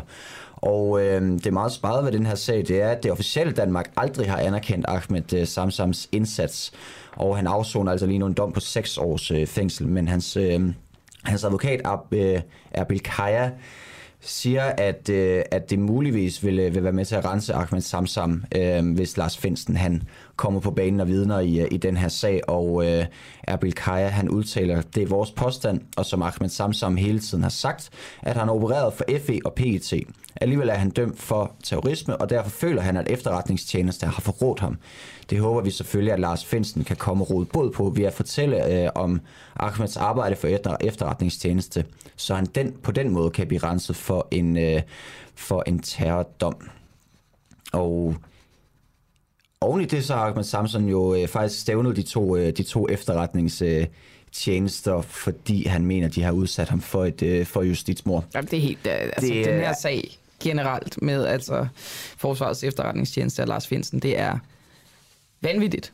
Ja, sagerne håber sig, håber sig efterhånden op, og jeg kan i samme ombæring fortælle, at vi her på Den Uafhængige jo faktisk har en podcast, der handler om øh, Lars Finsen. Det er den podcast, der hedder Spionchefens Hemmelighed. Og øh, den kan man altså høre øh, eksklusivt på vores, øh, på vores egen app, som vi har her på den, øh, på den uafhængige, og den kan du finde der, hvor du henter alle andre, øh, alle andre apps, du har på din øh, smartphone. Klokken er blevet næsten godt og vel 10 minutter over 8, og jeg hedder Camilla Boracchi ved siden af mig, der sidder Nikolaj Jul. Og så kan vi spørge, hvorfor prøver kineserne at stjæle et nedstyrtet amerikansk fly? Det er et øh, F-35 kampfly, og øh, det er altså styrtet ned i det sydkinesiske hav. Og øh, det her F-35 kampfly er tidligere blevet beskrevet som en form for playmaker på himlen der via sin evne til hurtigere indsamle og analysere og dele data, kan gøre ældre fly mere effektive. Og øh, Peter Viggo Jacobsen, lektor ved Forsvarets Forsvarsakademiet. Hvem har ret til det her øh, F-35 jægerfly? Og godmorgen. Okay, hvem der har ret til det? det kunne, kan du jo prøve at spørge amerikanerne om. Jeg tror nok, de vil sige, at det er deres ejendom, og derfor så er det også dem, der skal have det. Nu ved jeg ikke præcis, hvor det er faldet ned, men det er klart, at det er faldet ned på kinesisk territorial øh, far, i farvand, altså helt derinde, hvor, hvor de har eksplosiv ret, så kan de selvfølgelig godt hæve det, at det er deres ejendom. Men hvis de gør det, så tror jeg, at de får nogen på ørerne. Og det er nok også derfor, at de har trukket sig og sagt, at det vil de ikke have noget med at gøre. Fordi jeg tror godt, de ved, at amerikanerne de vil gøre alt, inklusive at, at, at bruge magt for at forhindre kineserne i at, at få fat i et F-35-fly. Og altså, du siger, at de har trukket sig, kineserne, altså de er ikke længere ude efter det her fly? Øh, ikke i, i hvert fald ikke ifølge de udmeldinger, de selv er kommet med, og det tror jeg fordi, at de godt ved, at amerikanerne de vil gå ekstremt langt for at forhindre kineserne i at få fingre i, i, i det her fly. Øh, det er jo det mest avancerede kampfly, amerikanerne overhovedet har, og kineserne har ikke den slags teknologi endnu. De har et tilsvarende fly, som ikke, er, ikke, ikke kan ret meget, som ligner det amerikanske fly til forveksling, men som ingenting øh, kan rent sammenligningsmæssigt. Og det vil sige, at hvis de kunne få fat i sådan et fly, pille fra hinanden og aflure teknologien, ja, så kunne det være et kvantespring for deres egen militære teknologiske udvikling. Det vil amerikanerne selvfølgelig gøre alt for at forhindre. Et af trækkene med det her F-35-fly, det er jo, at det er et såkaldt stealth-fly. Det vil sige, at det er meget svært at se på radar. Øh, og hvis kineserne finder ud af, hvordan man kan øh, imødegå det der sted, så vi tydeligt kan se den på radar, ja, så er det der fly ikke ret meget værd længere. Noget, jeg kommer til at tænke på, Peter Viggo Jacobsen, hvis det her fly det er så højteknologisk, hvorfor er det så styrtet ned? Jamen, altså, al teknik kan jo gå galt, ikke? Og når noget er ekstremt højteknologisk, så kan det jo nogle gange også briste. Det er jo, han har sagt, øh, noget af det mest avancerede, du har, men det er også et fly, der har en meget lang historie med, at der har været tekniske problemer med det. Men når det så er sagt, altså, no, nogle gange falder fly jo ned. Det, det, det, sker jo, det sker jo hele tiden. Der er faktisk også for nylig faldt et andet F-35 fly øh, ned i Middelhavet. Det var så et af de britiske. Men, men det ændrer jo ikke ved, at det er, det er meget avanceret, og kineserne kunne få store fordele ud af at få fat i et. Og øh, det her fly, som jeg har forstået det, styrtede det ned i international farvand, og dermed kan man godt sige, at øh, amerikanerne de synes, det er deres, men i virkeligheden er det jo sådan, at alle har ret til at, at, at tage det, så vidt jeg har forstået, når det ligger ja, i international farvand. Mm. Og det var noget med, at amerikanerne var tilpas langt væk fra dem, at det ville tage sådan noget 10 dage at komme hen og bjerge det her fly. Så hvordan kan det være, at kineserne ikke bare har tænkt, jamen, nu siger du selv det her med, at det er banebrydende teknologi for dem. Hvorfor har de ikke øh, hentet det? Fordi amerikanerne har våbensystemer, der kan nå så langt. Hvordan det? De har også andre fly, der kunne gå ind og fortælle kineserne, nu flytter jeg, eller også så laver vi huller i jeres skib. Jeg tror, det var der, amerikanerne var. Fordi det som sagt er så vigtigt fra dem. For dem. Og, det, her, det, er jo, og det, er jo, det er jo sandsynligvis det, som kineserne godt ved, Øh, hvis jeg havde været kineser, så har jeg også holdt mig på det fly. Altså, så hvis kineserne var sejlet ud for at bjerge det her F-35 kampfly, så havde amerikanerne beskudt den, det skib, som var ude for at bjerge det? Det kunne du i hvert fald ikke udelukke, at de kunne finde på at tro med at gøre. Og så er det jo op til kineserne at tørre, om de tør udsætte sig selv for det eller ej. Øh, og det tror jeg ikke, de turde. Det er i hvert fald men, det, men må amerikanerne gerne det, det når alle har ret til kampflyet? Prøv nu, prøv nu at høre her. Det er jo ikke det her, det handler om. Det handler ikke om, hvad du må og hvad du ikke må. Øh, USA måtte heller ikke angribe Irak i 2003. Rusland måtte ikke gå ind og Europa og dele i Ukraine. Kina må ikke lave kunstige øer i det sydkinesiske hav eller mishandle befolkningen i Tibet. Men det gør de jo alligevel. Ikke? Altså det her det er stormagtspolitik, så, så det er en lidt anden skala, hvor de der regler med, hvad man må og ikke må. Altså Kina har jo fået at vide, at deres territoriale krav i det sydkinesiske hav er ulovlige. Og så har kineserne det i den øh, internationale domstol i Haag, og så sagde Kina, at det vi der er ligeglade, for vi vil have de havområder. Så det er jo det, så det er jo, så det er jo, så det, er jo det niveau, vi er på, når vi taler den her slags ting. Og derfor så er det selvfølgelig, kan man, det er lige så lidt som når du kører på cykel i trafik. Det kan godt være, at du har forkørselsret. Hvis der kommer en lastbil, så er du med dum, hvis du kører ud alligevel. Og øh, altså endnu en gang, så øh, blander øh, storpolitik, international storpolitik og teknologi sig øh, på den her måde. Tusind tak for det, Peter Viggo Jacobsen, altså lige at opklare, hvad der er op og ned med det her F-35 kampfly. Yes, ha' en god dag. I lige måde. Ja, der er jo altid øh, klar melding fra øh, Peter, øh, Peter Viggo Jacobsen, når man, øh, når man snakker med ham der. Det er jo, øh, det er jo herligt. Der er smæk forskellige. Øh, jeg kan jo fortælle, at han blev interviewet det er den anden dag, hvor han øh, stod i et træsko. Ja, men det, det, det, han mister ikke sin autoritet, bare fordi han har træsko Nej, på. det gør han nemlig lige præcis ikke. Øhm, nu skal vi til Italien, fordi hvorfor tog det Italien otte afstemninger at finde en ny præsident? Og det er altså ikke otte øh, folkeafstemninger, skal jeg lige skynde mig at sige. Det er øh, parlamentet, der skulle vælge en ny præsident, som er sådan en form for, jeg har lyst til at sige dronning Margrethe-figur øh, i Italien. De har ligesom en premierminister, som tilsvarer en, en statsminister her i Danmark, og så har de den her præsident, som er, der, der skulle findes en ny af. Og øh, Sergio Martadella er blevet genvalgt som Italiens præsident efter de her otte afstemninger i parlamentets underhus. Og oprindeligt havde den her øh, 80-årige præsident, som altså øh, også havde siddet i den foregående periode, sagt, at han ikke ville genopstille. Men til synlædende er det så lykkedes premierministeren Mario Draghi at overtale ham til at tage en periode mere. Gert Sørensen, du er lektor i emeritus ved Institut for Engelsk, Germansk og Romersk øh, på Københavns Universitet og ekspert i Italien. Hvorfor tog det hele otte afstemninger at finde den nye øh, gamle præsident? Ja, for det første, som du sagde, øh, så øh, meddelte den øh, øh tidligere præsident, øh, eller genvalgte præsident Sergio Mattarella, at han ikke ville være interesseret i at stille op. Og det betød jo så, at partierne i parlamentet skulle finde en passende kandidat. Og det har jo så vist sig at være temmelig umuligt at øh, blive enige om en øh, fælles kandidat, altså som fik øh, et flertal af medlemmernes stemmer bag sig. Og vi skulle måske lige også øh, gøre opmærksom på, at øh, den italienske præsident jo altså netop bliver valgt øh, indirekte, mm. altså af Øh, øh, parlamentets øh, to øh, kammer, medlemmerne der, plus også et par repræsentanter fra øh, de øh, italienske øh, regioner. Det vil sige altså, at den øh, italienske præsident øh, har en lidt anden øh, status end for eksempel den franske eller den amerikanske, som jo er valgt øh, direkte af øh, befolkningen, og derfor jo altså også har et øh, folkeligt mandat øh, og meget stærke øh, beføjelser. Det kan man ikke sige, at den italienske præsident øh, har. Men øh, ikke desto mindre, så er han jo mere end bare en øh, grænsekagefigur, fordi han jo er øh, garanten, undskyld, fordi han er garanten ikke for... Øh, ja, hallo? Ja, hallo.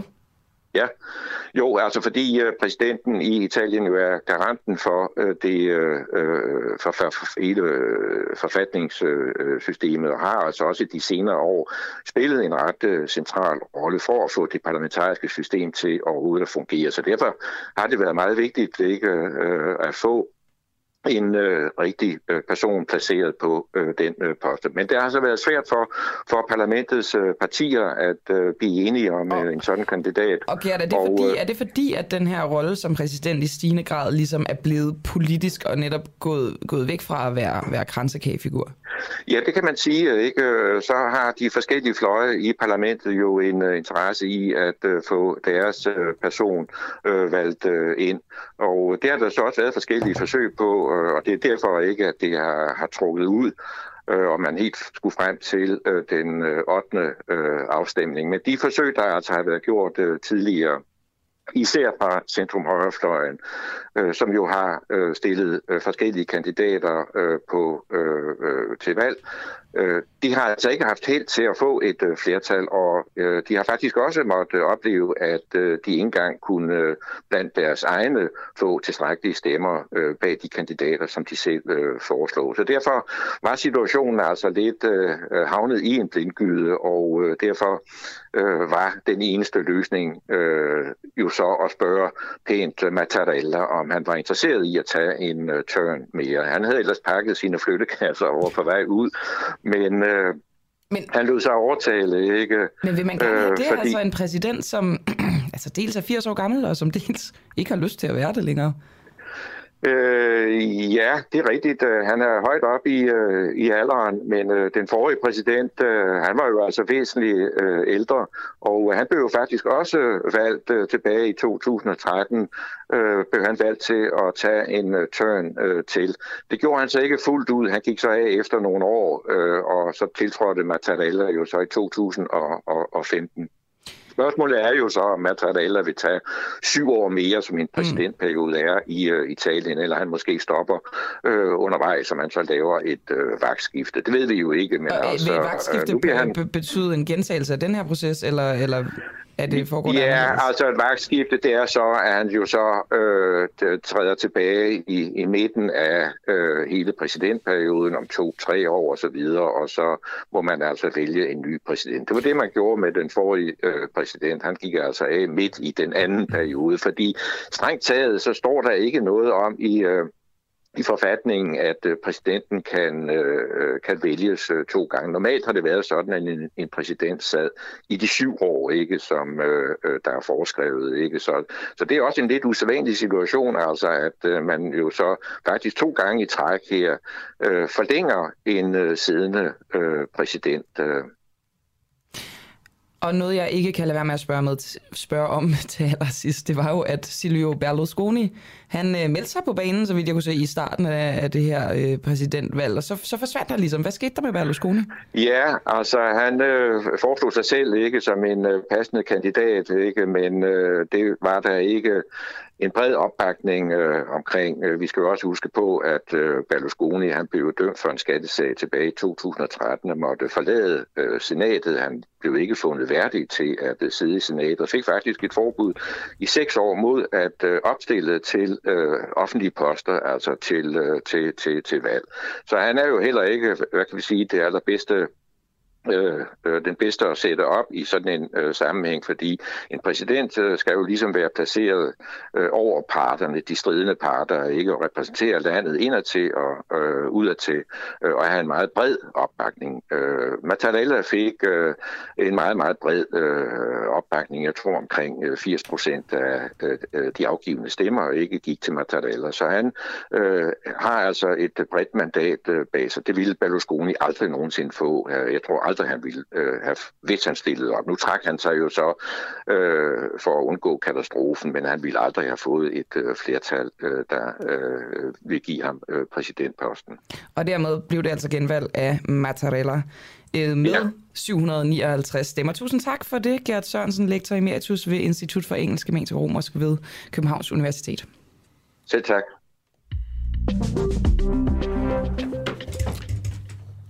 Boomberry. Godt så. Det, var, øh, det er jo det, det er et livligt studie, vi har. Det var hvor lige vores øh, producer Barry, der, øh, der væltede lidt rundt. Altid skønt. Nå, vi skal, øh, vi skal altså videre i, øh, i programmet, fordi vi skal nemlig tale om uh, Rusland og uh, Ukraine. Og altså, det er jo noget, vi, vi har dækket intenst her på den, på den uafhængige de foregående uger. Og det er også en anden time, Nikolaj, som handler om international politik. Ja, præcis. Vi er meget ude i verden i, i den her time, og det, det, er jo, det er jo altid skønt lige at have et blik på, hvad der sker. Nå, men altså, øh, siden øh, ja, faktisk i slutningen af sidste år har der stået øh, 100.000, og også over det, russiske tropper ved den ukrainske grænse, og det er altså en del i en ret højspændt konflikt imellem Ukraine og Rusland, og altså også øh, USA og NATO og Hvide Rusland. Altså det, det, der er flere og flere, der bliver, bliver inddraget i det her, også Baltikum. Øhm, og så er spørgsmålet jo, hvad laver de tropper der? Det har vi øh, spurgt om gennem mange uger nu. Mm. Hvad skal de? Nok nærmere også. Øhm, er vi på randen af en verdenskrig? Ja, nu siger du det som det er. Jeg en siger det, som du det er. siger en verdenskrig. Jeg ser måske mere, at er vi på randen af, at Rusland simpelthen går ind og øh, invaderer Ukraine. Og øh, vi prøver virkelig at dække den her konflikt rimelig intensivt, også fordi, at vi jo øh, som øh, NATO-medlem også har nogle interesser i, hvad der kommer til at ske nede i Ukraine. Og det, som Rusland grundlæggende har et stort problem med, det er jo, at Ukraine bliver mere og mere vestligt stemte, og altså også måske pynser på at blive medlem af NATO. Og det vil NATO altså ikke garantere, at de ikke bliver. Claus Mathisen, du er øh, lektor i russisk ved Forsvarsakademiet. Hvad er seneste nyt i denne her konflikt imellem Rusland og Ukraine? Og godmorgen. Jamen, det seneste nyt er, at øh, nu vil spørgsmålet også blive taget åbenbart op i FN's Sikkerhedsråd.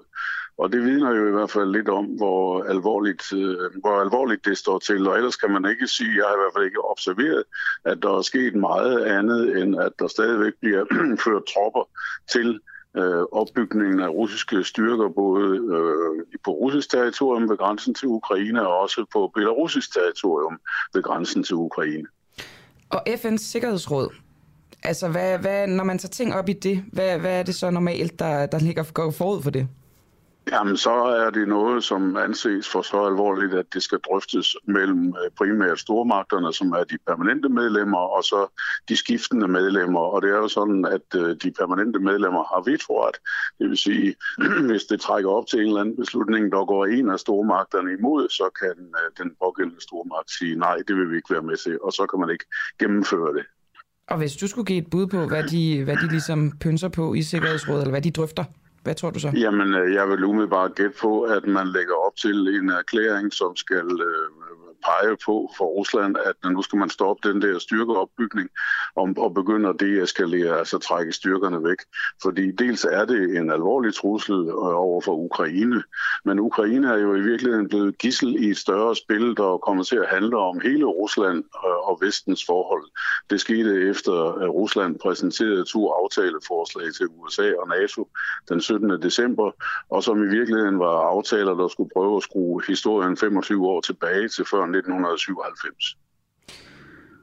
Og ja, hvor, hvor, hvor lang tid tror du, der går, før vi ser en, altså potentielt, vi ved jo ikke, om det kommer til at ske, men, men hvor lang tid kan der gå, før Rusland går ind i Ukraine? Jamen, det er jo ikke sikkert, at de går ind i Ukraine, Nej, men det, det er i hvert fald det, de, det, det, er, det er jo det, der på en eller anden måde uh, trues med. Ikke så meget i ord, fordi russerne siger jo, at det har de ingen planer om. Men samtidig foregår der en uh, stadig opbygning af styrkerne, som gør, at det i hvert fald er militært muligt at gøre det. Og man kan i, sige, altså, jeg går heller ikke ud fra, at der, der kommer sådan et møde i Sikkerhedsrådet uden grund.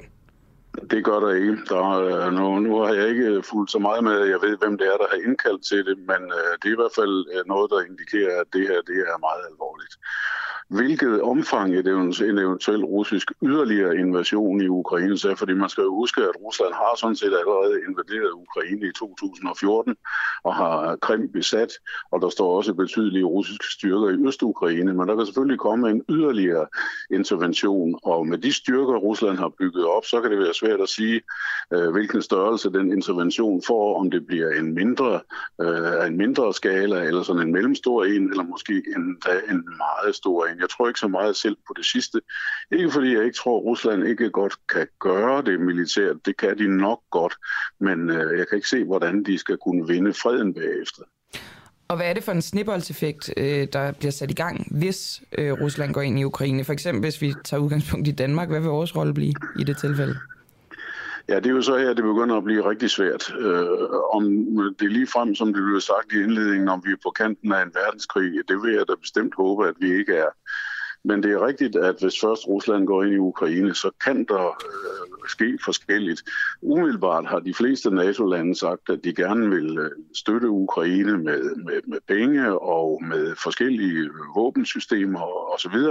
Men det er også blevet sagt ret tydeligt fra stort set alle, at NATO ikke vil gå ind i Ukraine med militære styrker. Men der er enkelte lande, som for eksempel øh, Storbritannien, der har antydet, at det kunne da godt være, at de ville gøre det i begrænset omfang alligevel. Og hvis først sådan noget sker, så begynder det at blive rigtig, rigtig svært, fordi så er det, at øh, det måske kan eskalere. Det kan også eskalere, hvis Rusland samtidig med presset på Ukraine begynder at lægge et pres på de baltiske lande, enten ved flådetilstedeværelse i Østersøen eller langs landegrænsen til Rusland. Så der er en eskaleringsrisiko i den her konflikt, og det er derfor, vi tager det så alvorligt. Har Danmark nogen sådan konkrete forpligtelser, enten i, i altså, fordi vi er medlem af NATO, eller du ved, det, hvis Baltikum bliver, bliver udsat for noget, har vi nogle forpligtelser?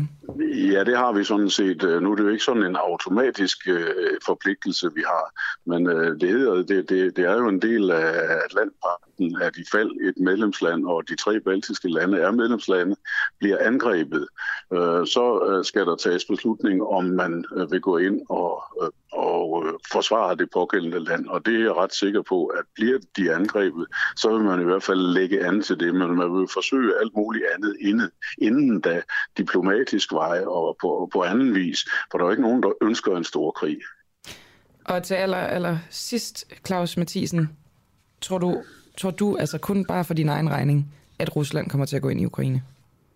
Jeg holder lige for øjeblikket på 50-50. Jeg synes, det er alt for svært at sige noget med sikkerhed om det. Øh, jeg mener, at det kan ske, fordi styrkerne står der. Jeg mener også, at det ikke nødvendigvis sker, fordi der er også mange ting, der taler imod. Især vil Rusland jo blive hårdt straffet bagefter, og samtidig kan det også være svært at se, hvad Rusland egentlig øh, vil opnå. Ikke umiddelbart, men på længere sigt ved at gå ind militært i Ukraine. Og på den måde maler du også et billede af situationens usikkerhed. Claus Mathisen, du er lektor i russisk ved Forsvarsakademiet. Tusind tak, fordi du var med. Ja, selv tak. Klokken er blevet 8.38 om 20 minutter. Der skal vi snakke om en af mine yndlingsting i hele verden. Og noget, som, øh, som jeg ofte har, øh, har beskæftiget mig med øh, her i det, på, den, på den uafhængige. Det er nemlig James Webb-teleskopet. Yippie! Nej, jeg, okay, okay, jeg sagde det simpelthen uden entusiasme. Ej, det er spændende, det er spændende. Kan du sige, kan du sige mere end bare James Webb-teleskopet? Ja, men det er jo det her øh, nye, nye, altså nye og nye, men øh, det var en, en del af en, en, en mission, der blev sat i gang lige, øh, lige inden jul. Og det her James Webb-teleskop, det er altså blevet tyret ud i, i verden og kan se mange, mange lysår frem for ligesom at vi skal, vi skal prøve at finde ud af, om der er liv på andre planeter. Vi skal prøve at finde ud af, hvordan jorden og universet opstod. Og det, øh, altså, vi går fra storpolitik til at, at tage den hele vejen ud i, uh, ud i rummet. Jeg glæder mig rigtig meget til det. Rumpolitik, måske? Måske. Måske også der.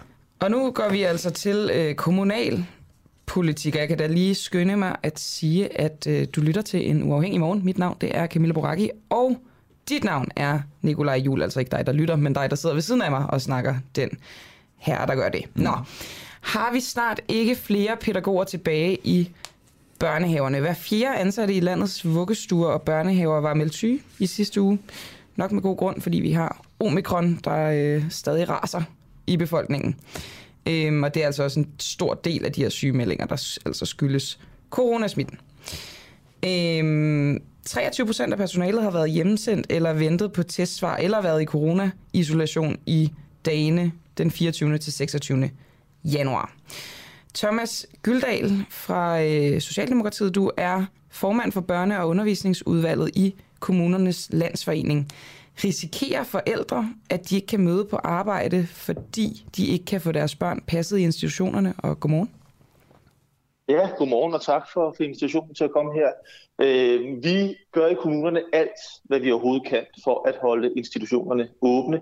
Det er meget presset lige nu, og øh, de seneste tal, jeg har, øh, er, at øh, 17 kommuner dags dato øh, har valgt at, øh, at benytte sig af den nødbremse, som ligger i lovgivningen, altså kan holde institutionen åben i kortere tid, eller i værste fald lukke institutionen helt ned i, i en dag eller to.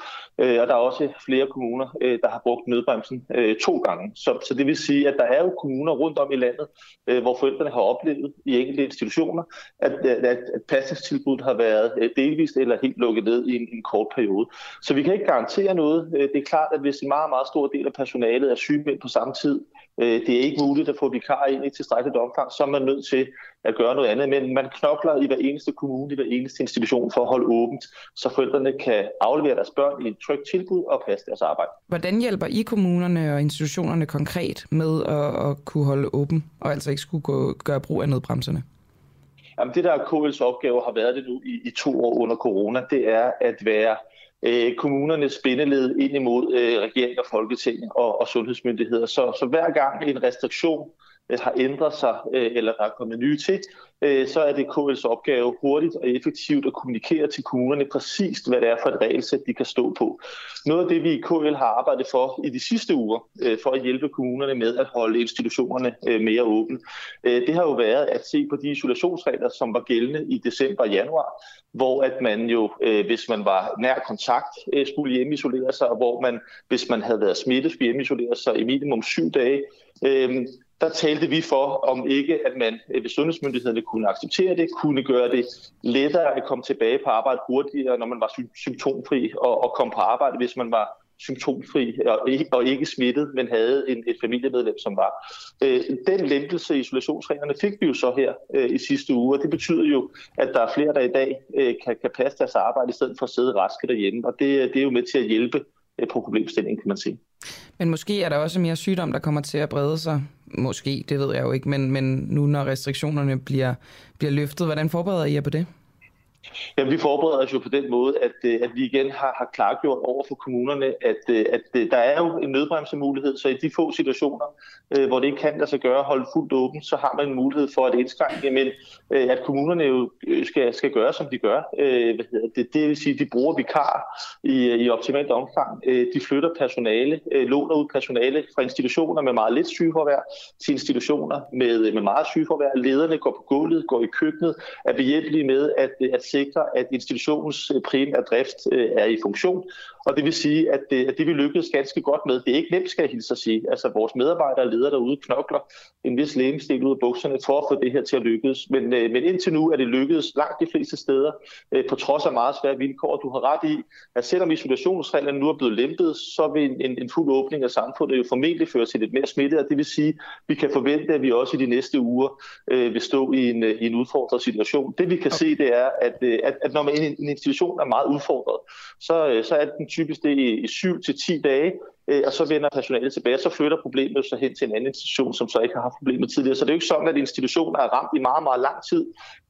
Det er en, en, en kortere periode, hvor man virkelig skal, skal stå på, på tær for at få enderne til at nå hinanden. Og ja. det har vi været gode til indtil videre. Og ja, man kan sige, men alligevel har jeres personale jo været altså, presset under de her to år med corona. Der er Absolut. også personale, mangel. Hvordan, øh, hvad gør I for, at der bliver skaffet mere personale, sådan, så der ikke er ubesatte stillinger ude i institutionerne? Ja, det er jo så en anden og helt større øh, diskussion, som vi bruger rigtig mange kræfter på i KL. Vi Men så det også nu... tale ind i det her, når, når man bliver ramt af sygefravær, og så, så ja, det, det endnu mere ondt, at man ikke har besat stillinger. Det er klart, det gør det. Og de institutioner, som har haft svært ved at, at besætte alle stillinger, øh, og så rammes oven i købet af en coronabølge, øh, de har det sværere end de steder, hvor man har alle stillinger besat. Det er klart. Men, men der er sådan set to ben i det. Det ene det er jo, at, at vi skal jo sørge for at fastholde de dygtige mennesker, som er uddannede pædagoger, som er ansat i vores institutioner, ved at tilbyde ordentlige øh, arbejdsvilkår. Det er noget, vi arbejder med. Normeringerne er blevet forbedret i alle kommuner som en del af den lovgivning. Og Hvad med mere konkret? Altså, hvordan laver I bedre arbejdsvilkår? Sådan helt konkret nede i en institution på gulvet for medarbejderne, de er presset. Hvad gør I for ligesom at cater til deres behov? Ja, nu, kan man, nu er det svært at sige, hvad gør vi, fordi øh, kommunerne gør jo mange forskellige ting. Men, øh, men der er ingen tvivl om, at rekruttering og fastholdelse af personale er i fokus. Og noget af det, man arbejder med, er jo nu at se på, hvordan kan eksempelvis institutionerne, hvordan kan det pædagogiske arbejde og udvikling af det pædagogiske arbejde i højere grad tage sit afsæt i pædagogernes erfaringer, i børnenes behov og dialog med forældrene mere ind i, hvad skal man sige, mere centralt formulerede standarder og krav, altså at man flytter øh, en større del af beslutningsrummet ud i, i, det, i det faglige rum. Det er noget, man gør på det pædagogiske område, det gør man i folkeskolen, og det gør man også på ældreområdet. Så, så hele den, øh, den samtale i vores øh, kommunale sektor, som handler om medarbejdernes rolle i, i, i både drift og udvikling, den, og vil den det er ved give mere sig. Ja, det vil give dem mere tid, fordi så vil de også få en langt større mulighed for selv at prioritere opgaverne. Eksempelvis prioritering af, af tid mellem det, man kan kalde dokumentationsopgaver i forhold til centralt fastsatte mål. Og mål kan jo være fastsat på Christiansborg, de kan også være fastsat i kommunerne. Så det der med at skulle dokumentere, hvad man gør, så det kan, så det kan meldes tilbage i et system, det kan jo tage tid, eller det tager jo tid for børnene. Så derfor er det jo vigtigt, at vi har den diskussion, hvor meget af det har vi brug for, og hvor meget af det har vi ikke brug for. Det væsentligste er jo, at der sker et, et kvalificeret stykke arbejde med børnene hver eneste dag. Og der skal vi nok i, i hele den offentlige sektor til at diskutere, hvordan vi kan vise vores medarbejdere lidt større tillid. Men det er som sagt en, en diskussion, som rækker langt ud over corona, og som vi kommer til at bruge mange kræfter på. Og det er i, jo i de også noget, år. som Mette Frederiksen lagde op til i sin nytårstale. Men for lige at holde det på sporet her, Thomas Gyldal, hvad ville være den største gave, som epidemiudvalget kunne, kunne give dig? Ja, det var jo på et tidspunkt at meddele, at nu var øh, corona en, en sygdom, som vi ikke længere skulle, øh, skulle være bekymret for, fordi at vi, vi havde så stor immunitet i samfundet, at vi kunne forvente, at smitten ville falde. Og det håber vi jo sker inden for, for et par måneder. At, øh, at Det har de jo smitten, nærmest øh, de for facto alvor- gjort, kan man sige. Ja, men de har ikke sagt, at smitten nu vil falde. De siger mm. jo, at smitten vil stige i den kommende tid. Ikke? Så det vi jo selvfølgelig ja. glæde, ja. og det vi jo så håber på, det er, at vi nu i den tid, som bliver svær, at vi med alle de erfaringer, vi har gjort os de sidste år, ikke mindst de erfaringer, vi har gjort os de sidste to-tre måneder, at vi kan få enderne til at nå sammen, at vi kan komme i mål hen over den top, vi skal hen over, sådan så at, øh, at når foråret kommer, solen begynder at skinne. og Men, men fuglene hvad, med, hvad med, jeg og- tænker mere på nu her, undskyld, jeg afbryder dig, Thomas ja, men, ja. men en, altså, hvis vi nu bare lige drømmer lidt, kunne du godt Ja. tænke dig, at den her nødbremse blev fjernet? Eller eller hvad, hvad, hvad, hvad, hvad, hvad er godt? Ja, det ville måske Jamen, selvfølgelig ikke være jamen, jamen, Men, Nej, men, nødbremsen har vi brug for, ikke? Men, men at den blev udvidet, eller, eller hvad, hvad, hvad som helst? Nej, altså lige nu har vi sådan set ikke nogen ønsker om, at man, at man eksempelvis stiller krav om dimensionering, fordi det vil også føre til, at vi så skulle, skulle, skulle have restriktioner i institutionerne igen, særlige krav til opdeling af børn osv. Vi vil jo gerne skabe så normal en hverdag som muligt for vores børn ude i institutionerne, også selvom det er, det er vanskeligt lige nu i, i, i den kommende tid. Så det vi sådan set har brug for nu, det er at kunne arbejde inden for de regelsæt, som, som, som gælder. Og så selvfølgelig i de kommuner, hvor man er nødt til at finde øh, løsninger, som måske går lige til kanten af de regler, som er meldt ud, at der så vil være en forståelse for centralt, at det har man været nødt til for at få enderne til at nå hinanden. Og så må jeg bare sige, at det vi hører ude fra alle kommuner, er, at forældrene bakker op i helt utrolig grad. Rigtig mange forældre, som har mulighed for det, holder deres børn hjemme. Øh, rigtig mange forældre har deres børn kortere tid i institution for at, at, at medvirke til, at, øh, at der ikke er så mange børn med frem. Vi kan se, at, at 30 procent af børnene i sidste uge er fraværende. Øh, så, så der er jo rigtig mange forældre, der gør en stor indsats for at, at bakke op. Og de forældre, som så afleverer deres børn og oplever, at tilbuddet er ikke det samme, som det er under normale vilkår, bakker sådan set også personalet op i det. Så, så vi oplever, at forældrene øh, tager et medansvar, og forældrene giver opbakning til, til ledere og medarbejdere derude. Så det er mit, mit store håb, at det, det gode samarbejde mellem forældre og institutioner, det kommer vi til at fortsætte øh, til epidemien sådan øh, for alvor klinger helt af. Og det er vist det, man kan kalde for, eller som nogen ville kalde for, samfundssind. Thomas Gyldal øh, fra Socialdemokratiet, du er formand for Børne- og Undervisningsudvalget i Kommunernes Landsforening. Tak fordi du var med. Selv tak. Statsministeriet indkalder til pressemøde om udenrigs- og sikkerhedspolitisk øh, strategi. Det skal i dag kl. 16 på Marienborg. Gud, hvor spændende. Ja, det, det, det kommer da til at handle om Mali så. Jamen, det gør det, det, gør det nok. Ej, kan vi ikke komme Øhm, afsted? Jamen, det kan vi da godt prøve på. Ej, vi skal da have en reporter derud. Den går vi, den går vi helt sikkert videre med. øh, begejstret. og øh, ja, til det her pressemøde, der vil Danmarks nye udenrigs- øh, og sikkerhedspolitiske strategi blive præsenteret. Det skriver statsministeriet på Twitter og i en pressemeddelelse. Og øh, der vil altså være til stedeværelse af Mette Frederiksen, Jeppe Kofod og Trine Bremsen. Øhm, og jeg kan i øvrigt fortælle Trine Bremsen, hun også i dag øh, skal besøge Holstebro. Fordi øh, på Holstebro Kaserne, der er de soldater, som står over for at skulle sendes til Estland som en del af NATO's fremskudte tilstedeværelse.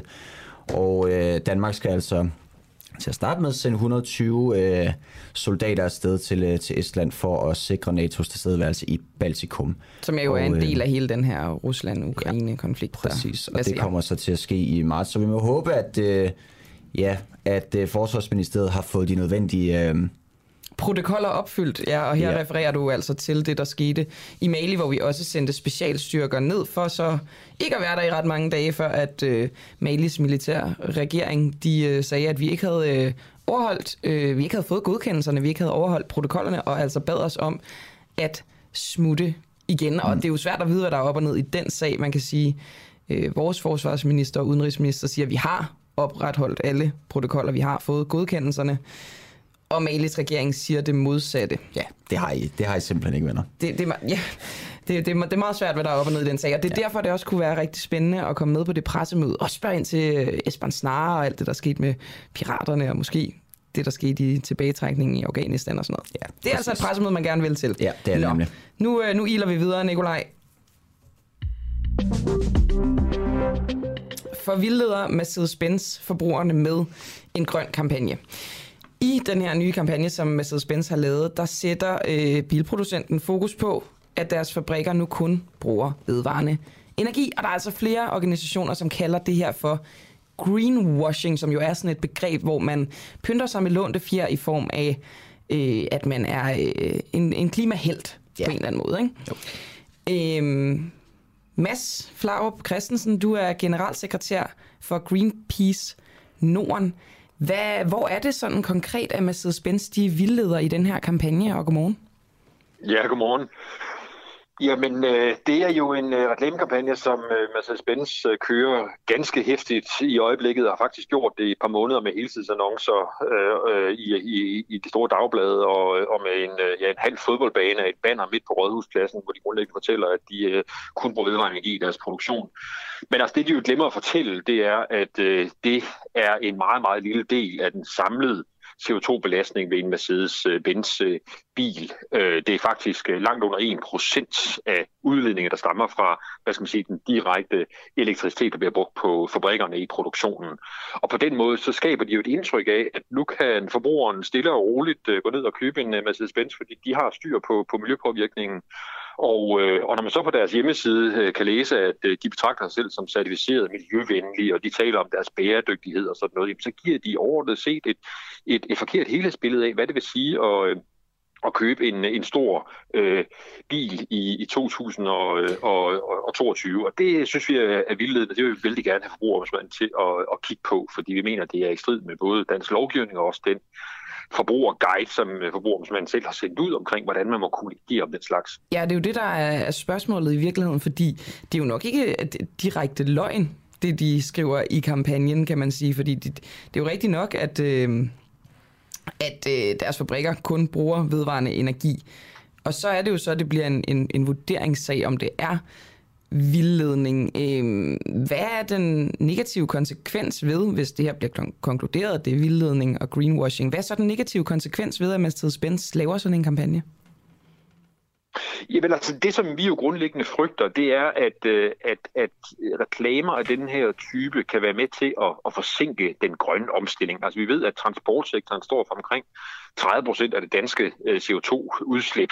Og vi ved, at vi skal igennem en meget, meget hurtig omstilling af hele transportsektoren. Og det er klart, at hvis de store bilfabrikanter så øh, får lov til at, at fortsætte med at hvad skal man sige, påvirke forbrugere, mønstre og, og normer, og grundlæggende har et budskab, at man kan roligt købe øh, de her biler, øh, fordi vi har styr på, på, øh, på miljøet og på bæredygtighed. Men gør de virkelig det? det? Altså, altså er vi efterhånden ikke så oplyst, især når det kommer til, til transport og biler? Altså er forbrugeren ikke begavet nok til at vide, jamen biler er ikke godt for miljøet? Kan en kampagne for Mercedes-Benz øh, gøre os altså, uoplyste på den måde? Jeg tror, man er naiv, hvis man tror, at reklamer ikke er med til at forme forbrugsmønstre og normer i vores samfund. Det er derfor, der bliver brugt så forbandet mange millioner, den her reklamekampagne i sig selv har jo kostet mange millioner kroner.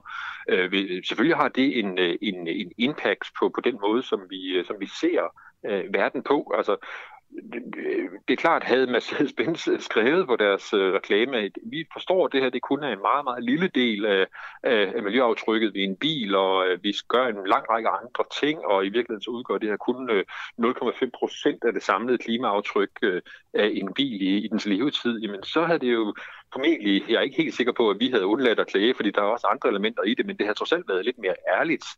Øh, så, så det er et, et problem, at, at, at vi har hvad skal man sige, i øjeblikket stort set øh, frit slag. Og det er jo det, vi gerne vil være med til, altså, og det er vores generelle pointe, at, at Mercedes er jo et eksempel, som vi ser lige nu, men der er desværre masser af andre eksempler. Vi har lige gået igennem en stor kamp med Danish Crown øh, omkring øh, deres anprisning af, deres øh, griseprodukter som værende øh, klimavenlige, og vi har øh, masser af andre eksempler ude i gadebilledet. Og, og der øh, er det jo vigtigt, at, at vi er med til at, at sætte nogle øh, eksempler og sende nogle klare signaler til, hvor er det grænserne går for, for, for hvad man må i forhold til at øh, anprise sit produkt miljøvenligt. Jeg, jeg tænkte, hvad, hvad er konsekvenserne egentlig, hvis man øh, bryder marked, markedsføringsloven? Hvis de bliver dømt, for eksempel Mercedes-Benz, altså hvad er så konsekvensen? Fordi de må have lavet en eller anden konsekvensberegning, tænker jeg bare, øh, at, at altså, da de har lavet denne her kampagne, hvis det var en, en, en mulighed, at det var i strid. Så, så hvad, hvad kan konsekvenserne være? Ja, det skal jeg jo ikke uh, sige, hvad det er for nogle uh, tanker, de har gjort, så det de lavede den her. Altså, det er klart, at, øh, at det man kan gøre, det er, at han kan, øh, han kan give dem en, øh, en, en stor øh, pegefinger og sige, det må I ikke, og så kan han give en, en klækkelig bøde. Øh, men, øh, og hvad er en klækkelig bøde? Ja, det ved vi ikke. Altså grundlæggende så har vi jo ikke rigtig set, hvad skal man sige, sager af den her type. Det er jo først nu her med finansloven, at, at forbrugerombudsmanden i virkeligheden har fået en, en pose penge til blandt andet også at gå efter, hvad skal man sige, greenwashing øh, øh, ting. Så, så det er jo også, det er, vi er også i gang med at hvad skal man sige, sætte en, en, en standard for, hvad det må og hvad det må. Tusind tak for det, Mads Flaub Christensen, generalsekretær i Greenpeace Norden, og øh, vi prøver selvfølgelig at få Mads' Benz på. Tak fordi du var med. Ja, det var så lidt. Hej. Ja, i kølvandet på, øh, på den, det, vi snakkede om med pressemødet på øh, Marienborg, der øh, har vi fået en sms, der lyder, tror vi, at regeringen vil svare på kritiske spørgsmål om Mali og FE. Næppe, ingen kommentar, og det vil siden af. Nå, men så må man jo, det er jo, det er jo det gode ved et pressemøde, ikke? Fordi man kan jo, nej, det kan man jo faktisk ikke. Man kan ikke bare blive ved med at stille spørgsmål. Man kan sidde og råbe. Man kan også, jeg har engang prøvet at bare holde fast i en mikrofon og så sådan en presse medarbejder, der prøver at hive den ud af hænderne på mig. Sikkert en udmærket, udmærket taktik, men der er jo også det, når man får at vide, at der ikke er nogen, øh, nogen kommentarer, kan det jo også være en, øh, være en historie i sig selv. Det er jo øh, det er i hvert fald en af de måder, vi bedriver journalistik på herinde på den, øh, på den uafhængige, at ingen kommentar er også et form for svar. Jo jo. Øhm, Lige apropos det her med Mercedes-Benz, så prøver vi selvfølgelig at få dem på. Jeg har også prøvet at få dem på, og øh, i mellemtiden kan jeg lige øh, læse en kommentar fra Mercedes-Benz op, som de har øh, givet til DR. Vi mener, at den aktuelle kampagne giver et klart indtryk af, at, der, at den strøm, der benyttes på vores fabrikker, kommer fra vedvarende energikilder, og på den måde kommenterer de jo ikke rigtigt på det her greenwashing. Og nu får jeg en glad Nikolaj Jul ved siden af mig, fordi nu skal vi til Rumnyt. Ja, vi skal nemlig tale med Thomas R. Greve, der er professor på DTU, øh, DTU Space. Og øh, det er simpelthen fordi, at vi jo, som jeg, som jeg nævnte, jeg nævnte tidligere i udsendelsen, så har vi her på den i længere tid fulgt med det her famøse James Webb øh, teleskop, og den mission, den er ude på, og nu er der simpelthen nyt, i, øh, nyt om missionen. Og Thomas R. Greve, hvad er det nyeste i, øh, i missionen, og godmorgen? Ja, godmorgen det nyeste er, at øh, alt går, som det skal. Øh, og det vil sige, når man snakker om, om, øh, om rummissioner, så betyder det, at alt går fantastisk godt. Øh, så James Webb-teleskopet ankom til sit øh, hvilepunkt, det hedder Lagrange-punkt 2, øh, som ligger halvanden million kilometer væk fra jorden. Der ankom den øh, i sidste uge, øh, som planlagt. Og nu skal man bruge de næste fire måneder godt og vel indtil april øh, på at fokusere teleskopet, kan man sige, for ligesom at justere teleskopet og, og sørge for, at alting virker. Og øh, så til april, så tænder man for instrumenterne ombord på James Webb, øh, alle de kameraer og detektorer, man har om, om, ombord på teleskopet. Og så bruger man de næste øh, 3-4 måneder på at øh, teste elektronikken og teste, at, at instrumenterne virker, som de skal. Øhm, så det, det er sådan en status, og når vi så kommer hen der i, øh, i juli, godt og vel, øh, juli-september, jamen så begynder man så at tage de første egentlige astronomiske observationer og lave forskning med, med teleskopet. Okay, så, så den fase, man er, man er gået ind i lige nu, det er, altså sidst vi snakkede om det, der var det der var teleskopet netop blevet, øh, blevet sendt ud, og det her famøse solskjold, det havde også lige øh, foldet sig ud, og nu går man så ind i en, øh, altså en testfase. Hvornår kan vi sådan begynde at sige noget? Altså, hvornår kan vi begynde at, hente data hjem fra det her James Webb-teleskop?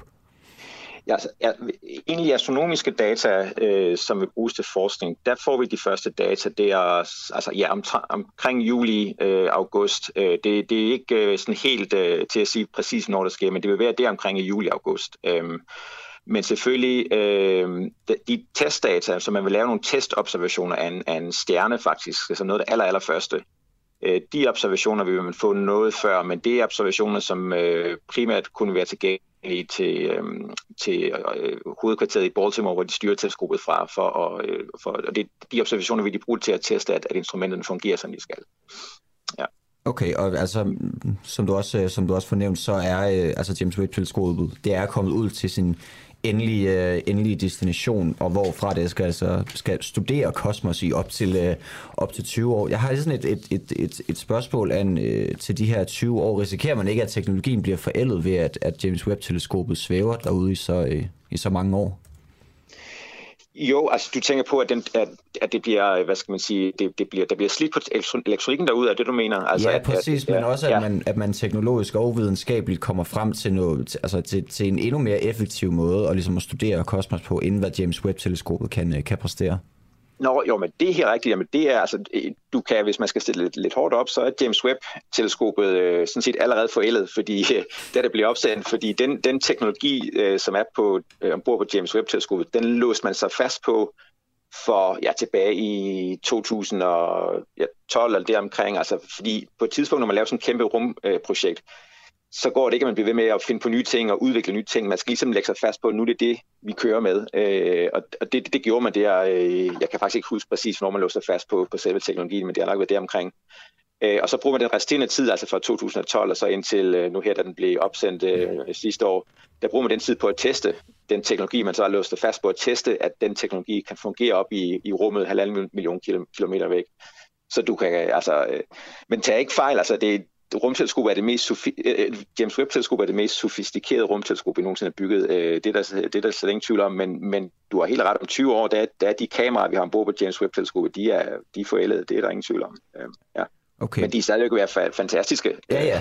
Jo, jo, altså, der er jeg prøver også bare at sætte det, sætte mm. det i perspektiv, fordi det er jo, altså, teknologien er jo hele tiden, hele tiden i udvikling, og det bliver ja. måske også mere, mere effektivt, jo længere vi kommer, vi kommer frem i, i tiden. Ja. Øhm, Thomas Agreve, hvad håber du at, at, at finde ud af med det her James Webb-teleskop? Hvad håber du, at, at det ligesom... Hvilket, hvilket mysterie er det, du håber, det, det opklarer? Jamen, det vil opklare mange ting, som vi ikke ved øh, om, hvordan galakser blev dannet og, og, og opstod og udviklede sig. Altså her specifikt på, på Cosmic Dawn Center på, på D2 Space, der er vi med i øh, et team, øh, hvor vi har øh, garanteret observationstid på teleskopet til at observere øh, det område af himlen, der hedder Hubble Ultra Deep Field, som er en lille bit område af himlen, som Hubble rumteleskopet øh, stirrede på i over 10 dage. Øh, som James Webb-teleskopet altså er erstattet, så vidt jeg, så vidt jeg ved.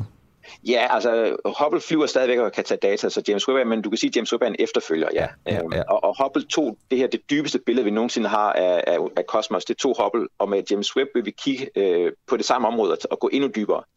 Og det vil sige, at James, og James Webb er helt unik, fordi den kan se de aller, aller første galakser. Det kan Hubble ikke, men med James Webb, øh, der vil vi, regner vi i hvert fald med at øh, se de aller, aller første galakser. Så det, det glæder mig meget til at se, hvordan de ser ud. Øh, hvad kan vi lære af dem, og hvad, hvad fortæller de også, hvordan ja, altså galakserne opstod og udviklede sig. Øhm, så det, ja. det bliver på en eller anden måde, altså man tager data, man allerede har indsamlet, og så forsøger man at specialisere sig inden for det her lille bitte lille bitte område af himlen, hvor James Webb-teleskopet så skal, altså, skal kigge ind i. Er det korrekt forstået?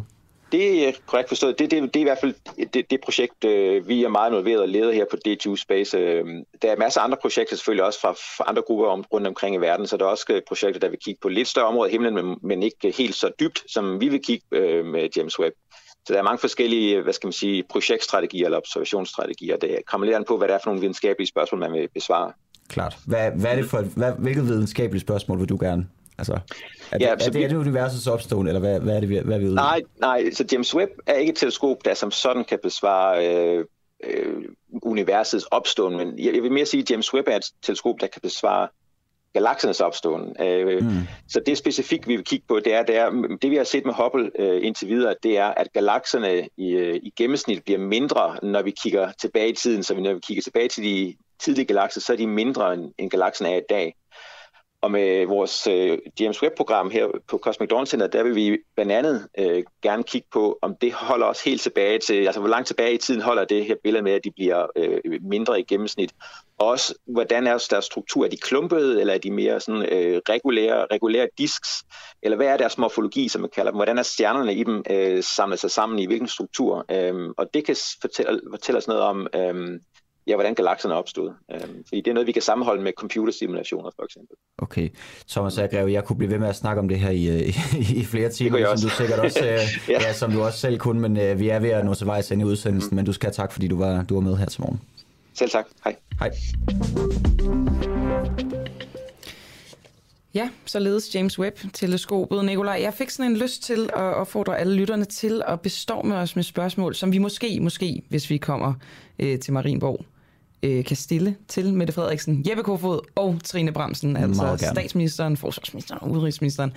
Øhm, og det kan jo være angående både altså tilbagetrækningen fra øh, Afghanistan, Esbern Snare, skandalen, tillader jeg mig at kalde det, øhm, og så også vores mission i Mali, Okay, der kommer breaking. Det er jo så godt nok fra en lytter der. Jeg har det en lille bitte smule svært ved at øh, sige breaking news højt fra noget, der ikke sådan er bekræftet kilder. Nikolaj, vil du ikke lige undersøge det, før vi siger det højt? Jo, det det vil jeg øh, gerne. Nå, og så tilbage på, at jeg gerne vil have, at I lytter skriver ind på sms'en eller på Facebook spørgsmål, vi simpelthen kan viderestille til øh, de her tre ministre angående vores øh, indsatser forskellige steder i verden, og altså senest her i Mali, hvor at, øh, vi har trukket vores specialstyrker hjem, fordi vi ifølge Malis regering altså ikke har overholdt de protokoller, som man skal for at øh, indtræde i et land. Er du blevet klogere, Nikolaj?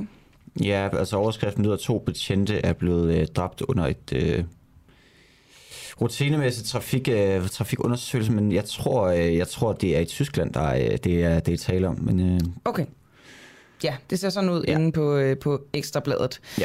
Godt. Øh, så kan jeg lige hurtigt sige, at øh, Spotify laver en ny coronamærkning efter kritik fra flere kunstnere. Øh, og det er altså sådan nogle tiltag, som skal guide lyttere videre til mere information om coronavirus. Det meddeler selskabets direktør, som er svenskeren Daniel Ek. Ja, og det øh, sker altså blandt andet på grund af øh, den podcast, der hedder The Joe Rogan Experience, hvor Joe Rogan blandt andet har øh, opfordret til, at man bruger medicin til hjerteorm til at behandle covid-19. Og det er der altså flere forskere og læger, der har været ude og, og afvise. Og i øvrigt så er Joe Rogan Experience også kommet i vælten, fordi Jordan Peterson har udtalt sig ja, mindre, mindre oplyst omkring klimaforandringer i hans podcast. Alright, det lyder som et vildt sted. Ja. Nikolaj, vi er ved vejs ende. Vi ses igen i morgen, hvor at, øh, du har øh, forladt min flanke, ja. og jeg i stedet bliver flankeret af den gode Christoffer Lind. I, øh, i regien i dag, der var øh, den gode Barry Vessel. Tak for i dag.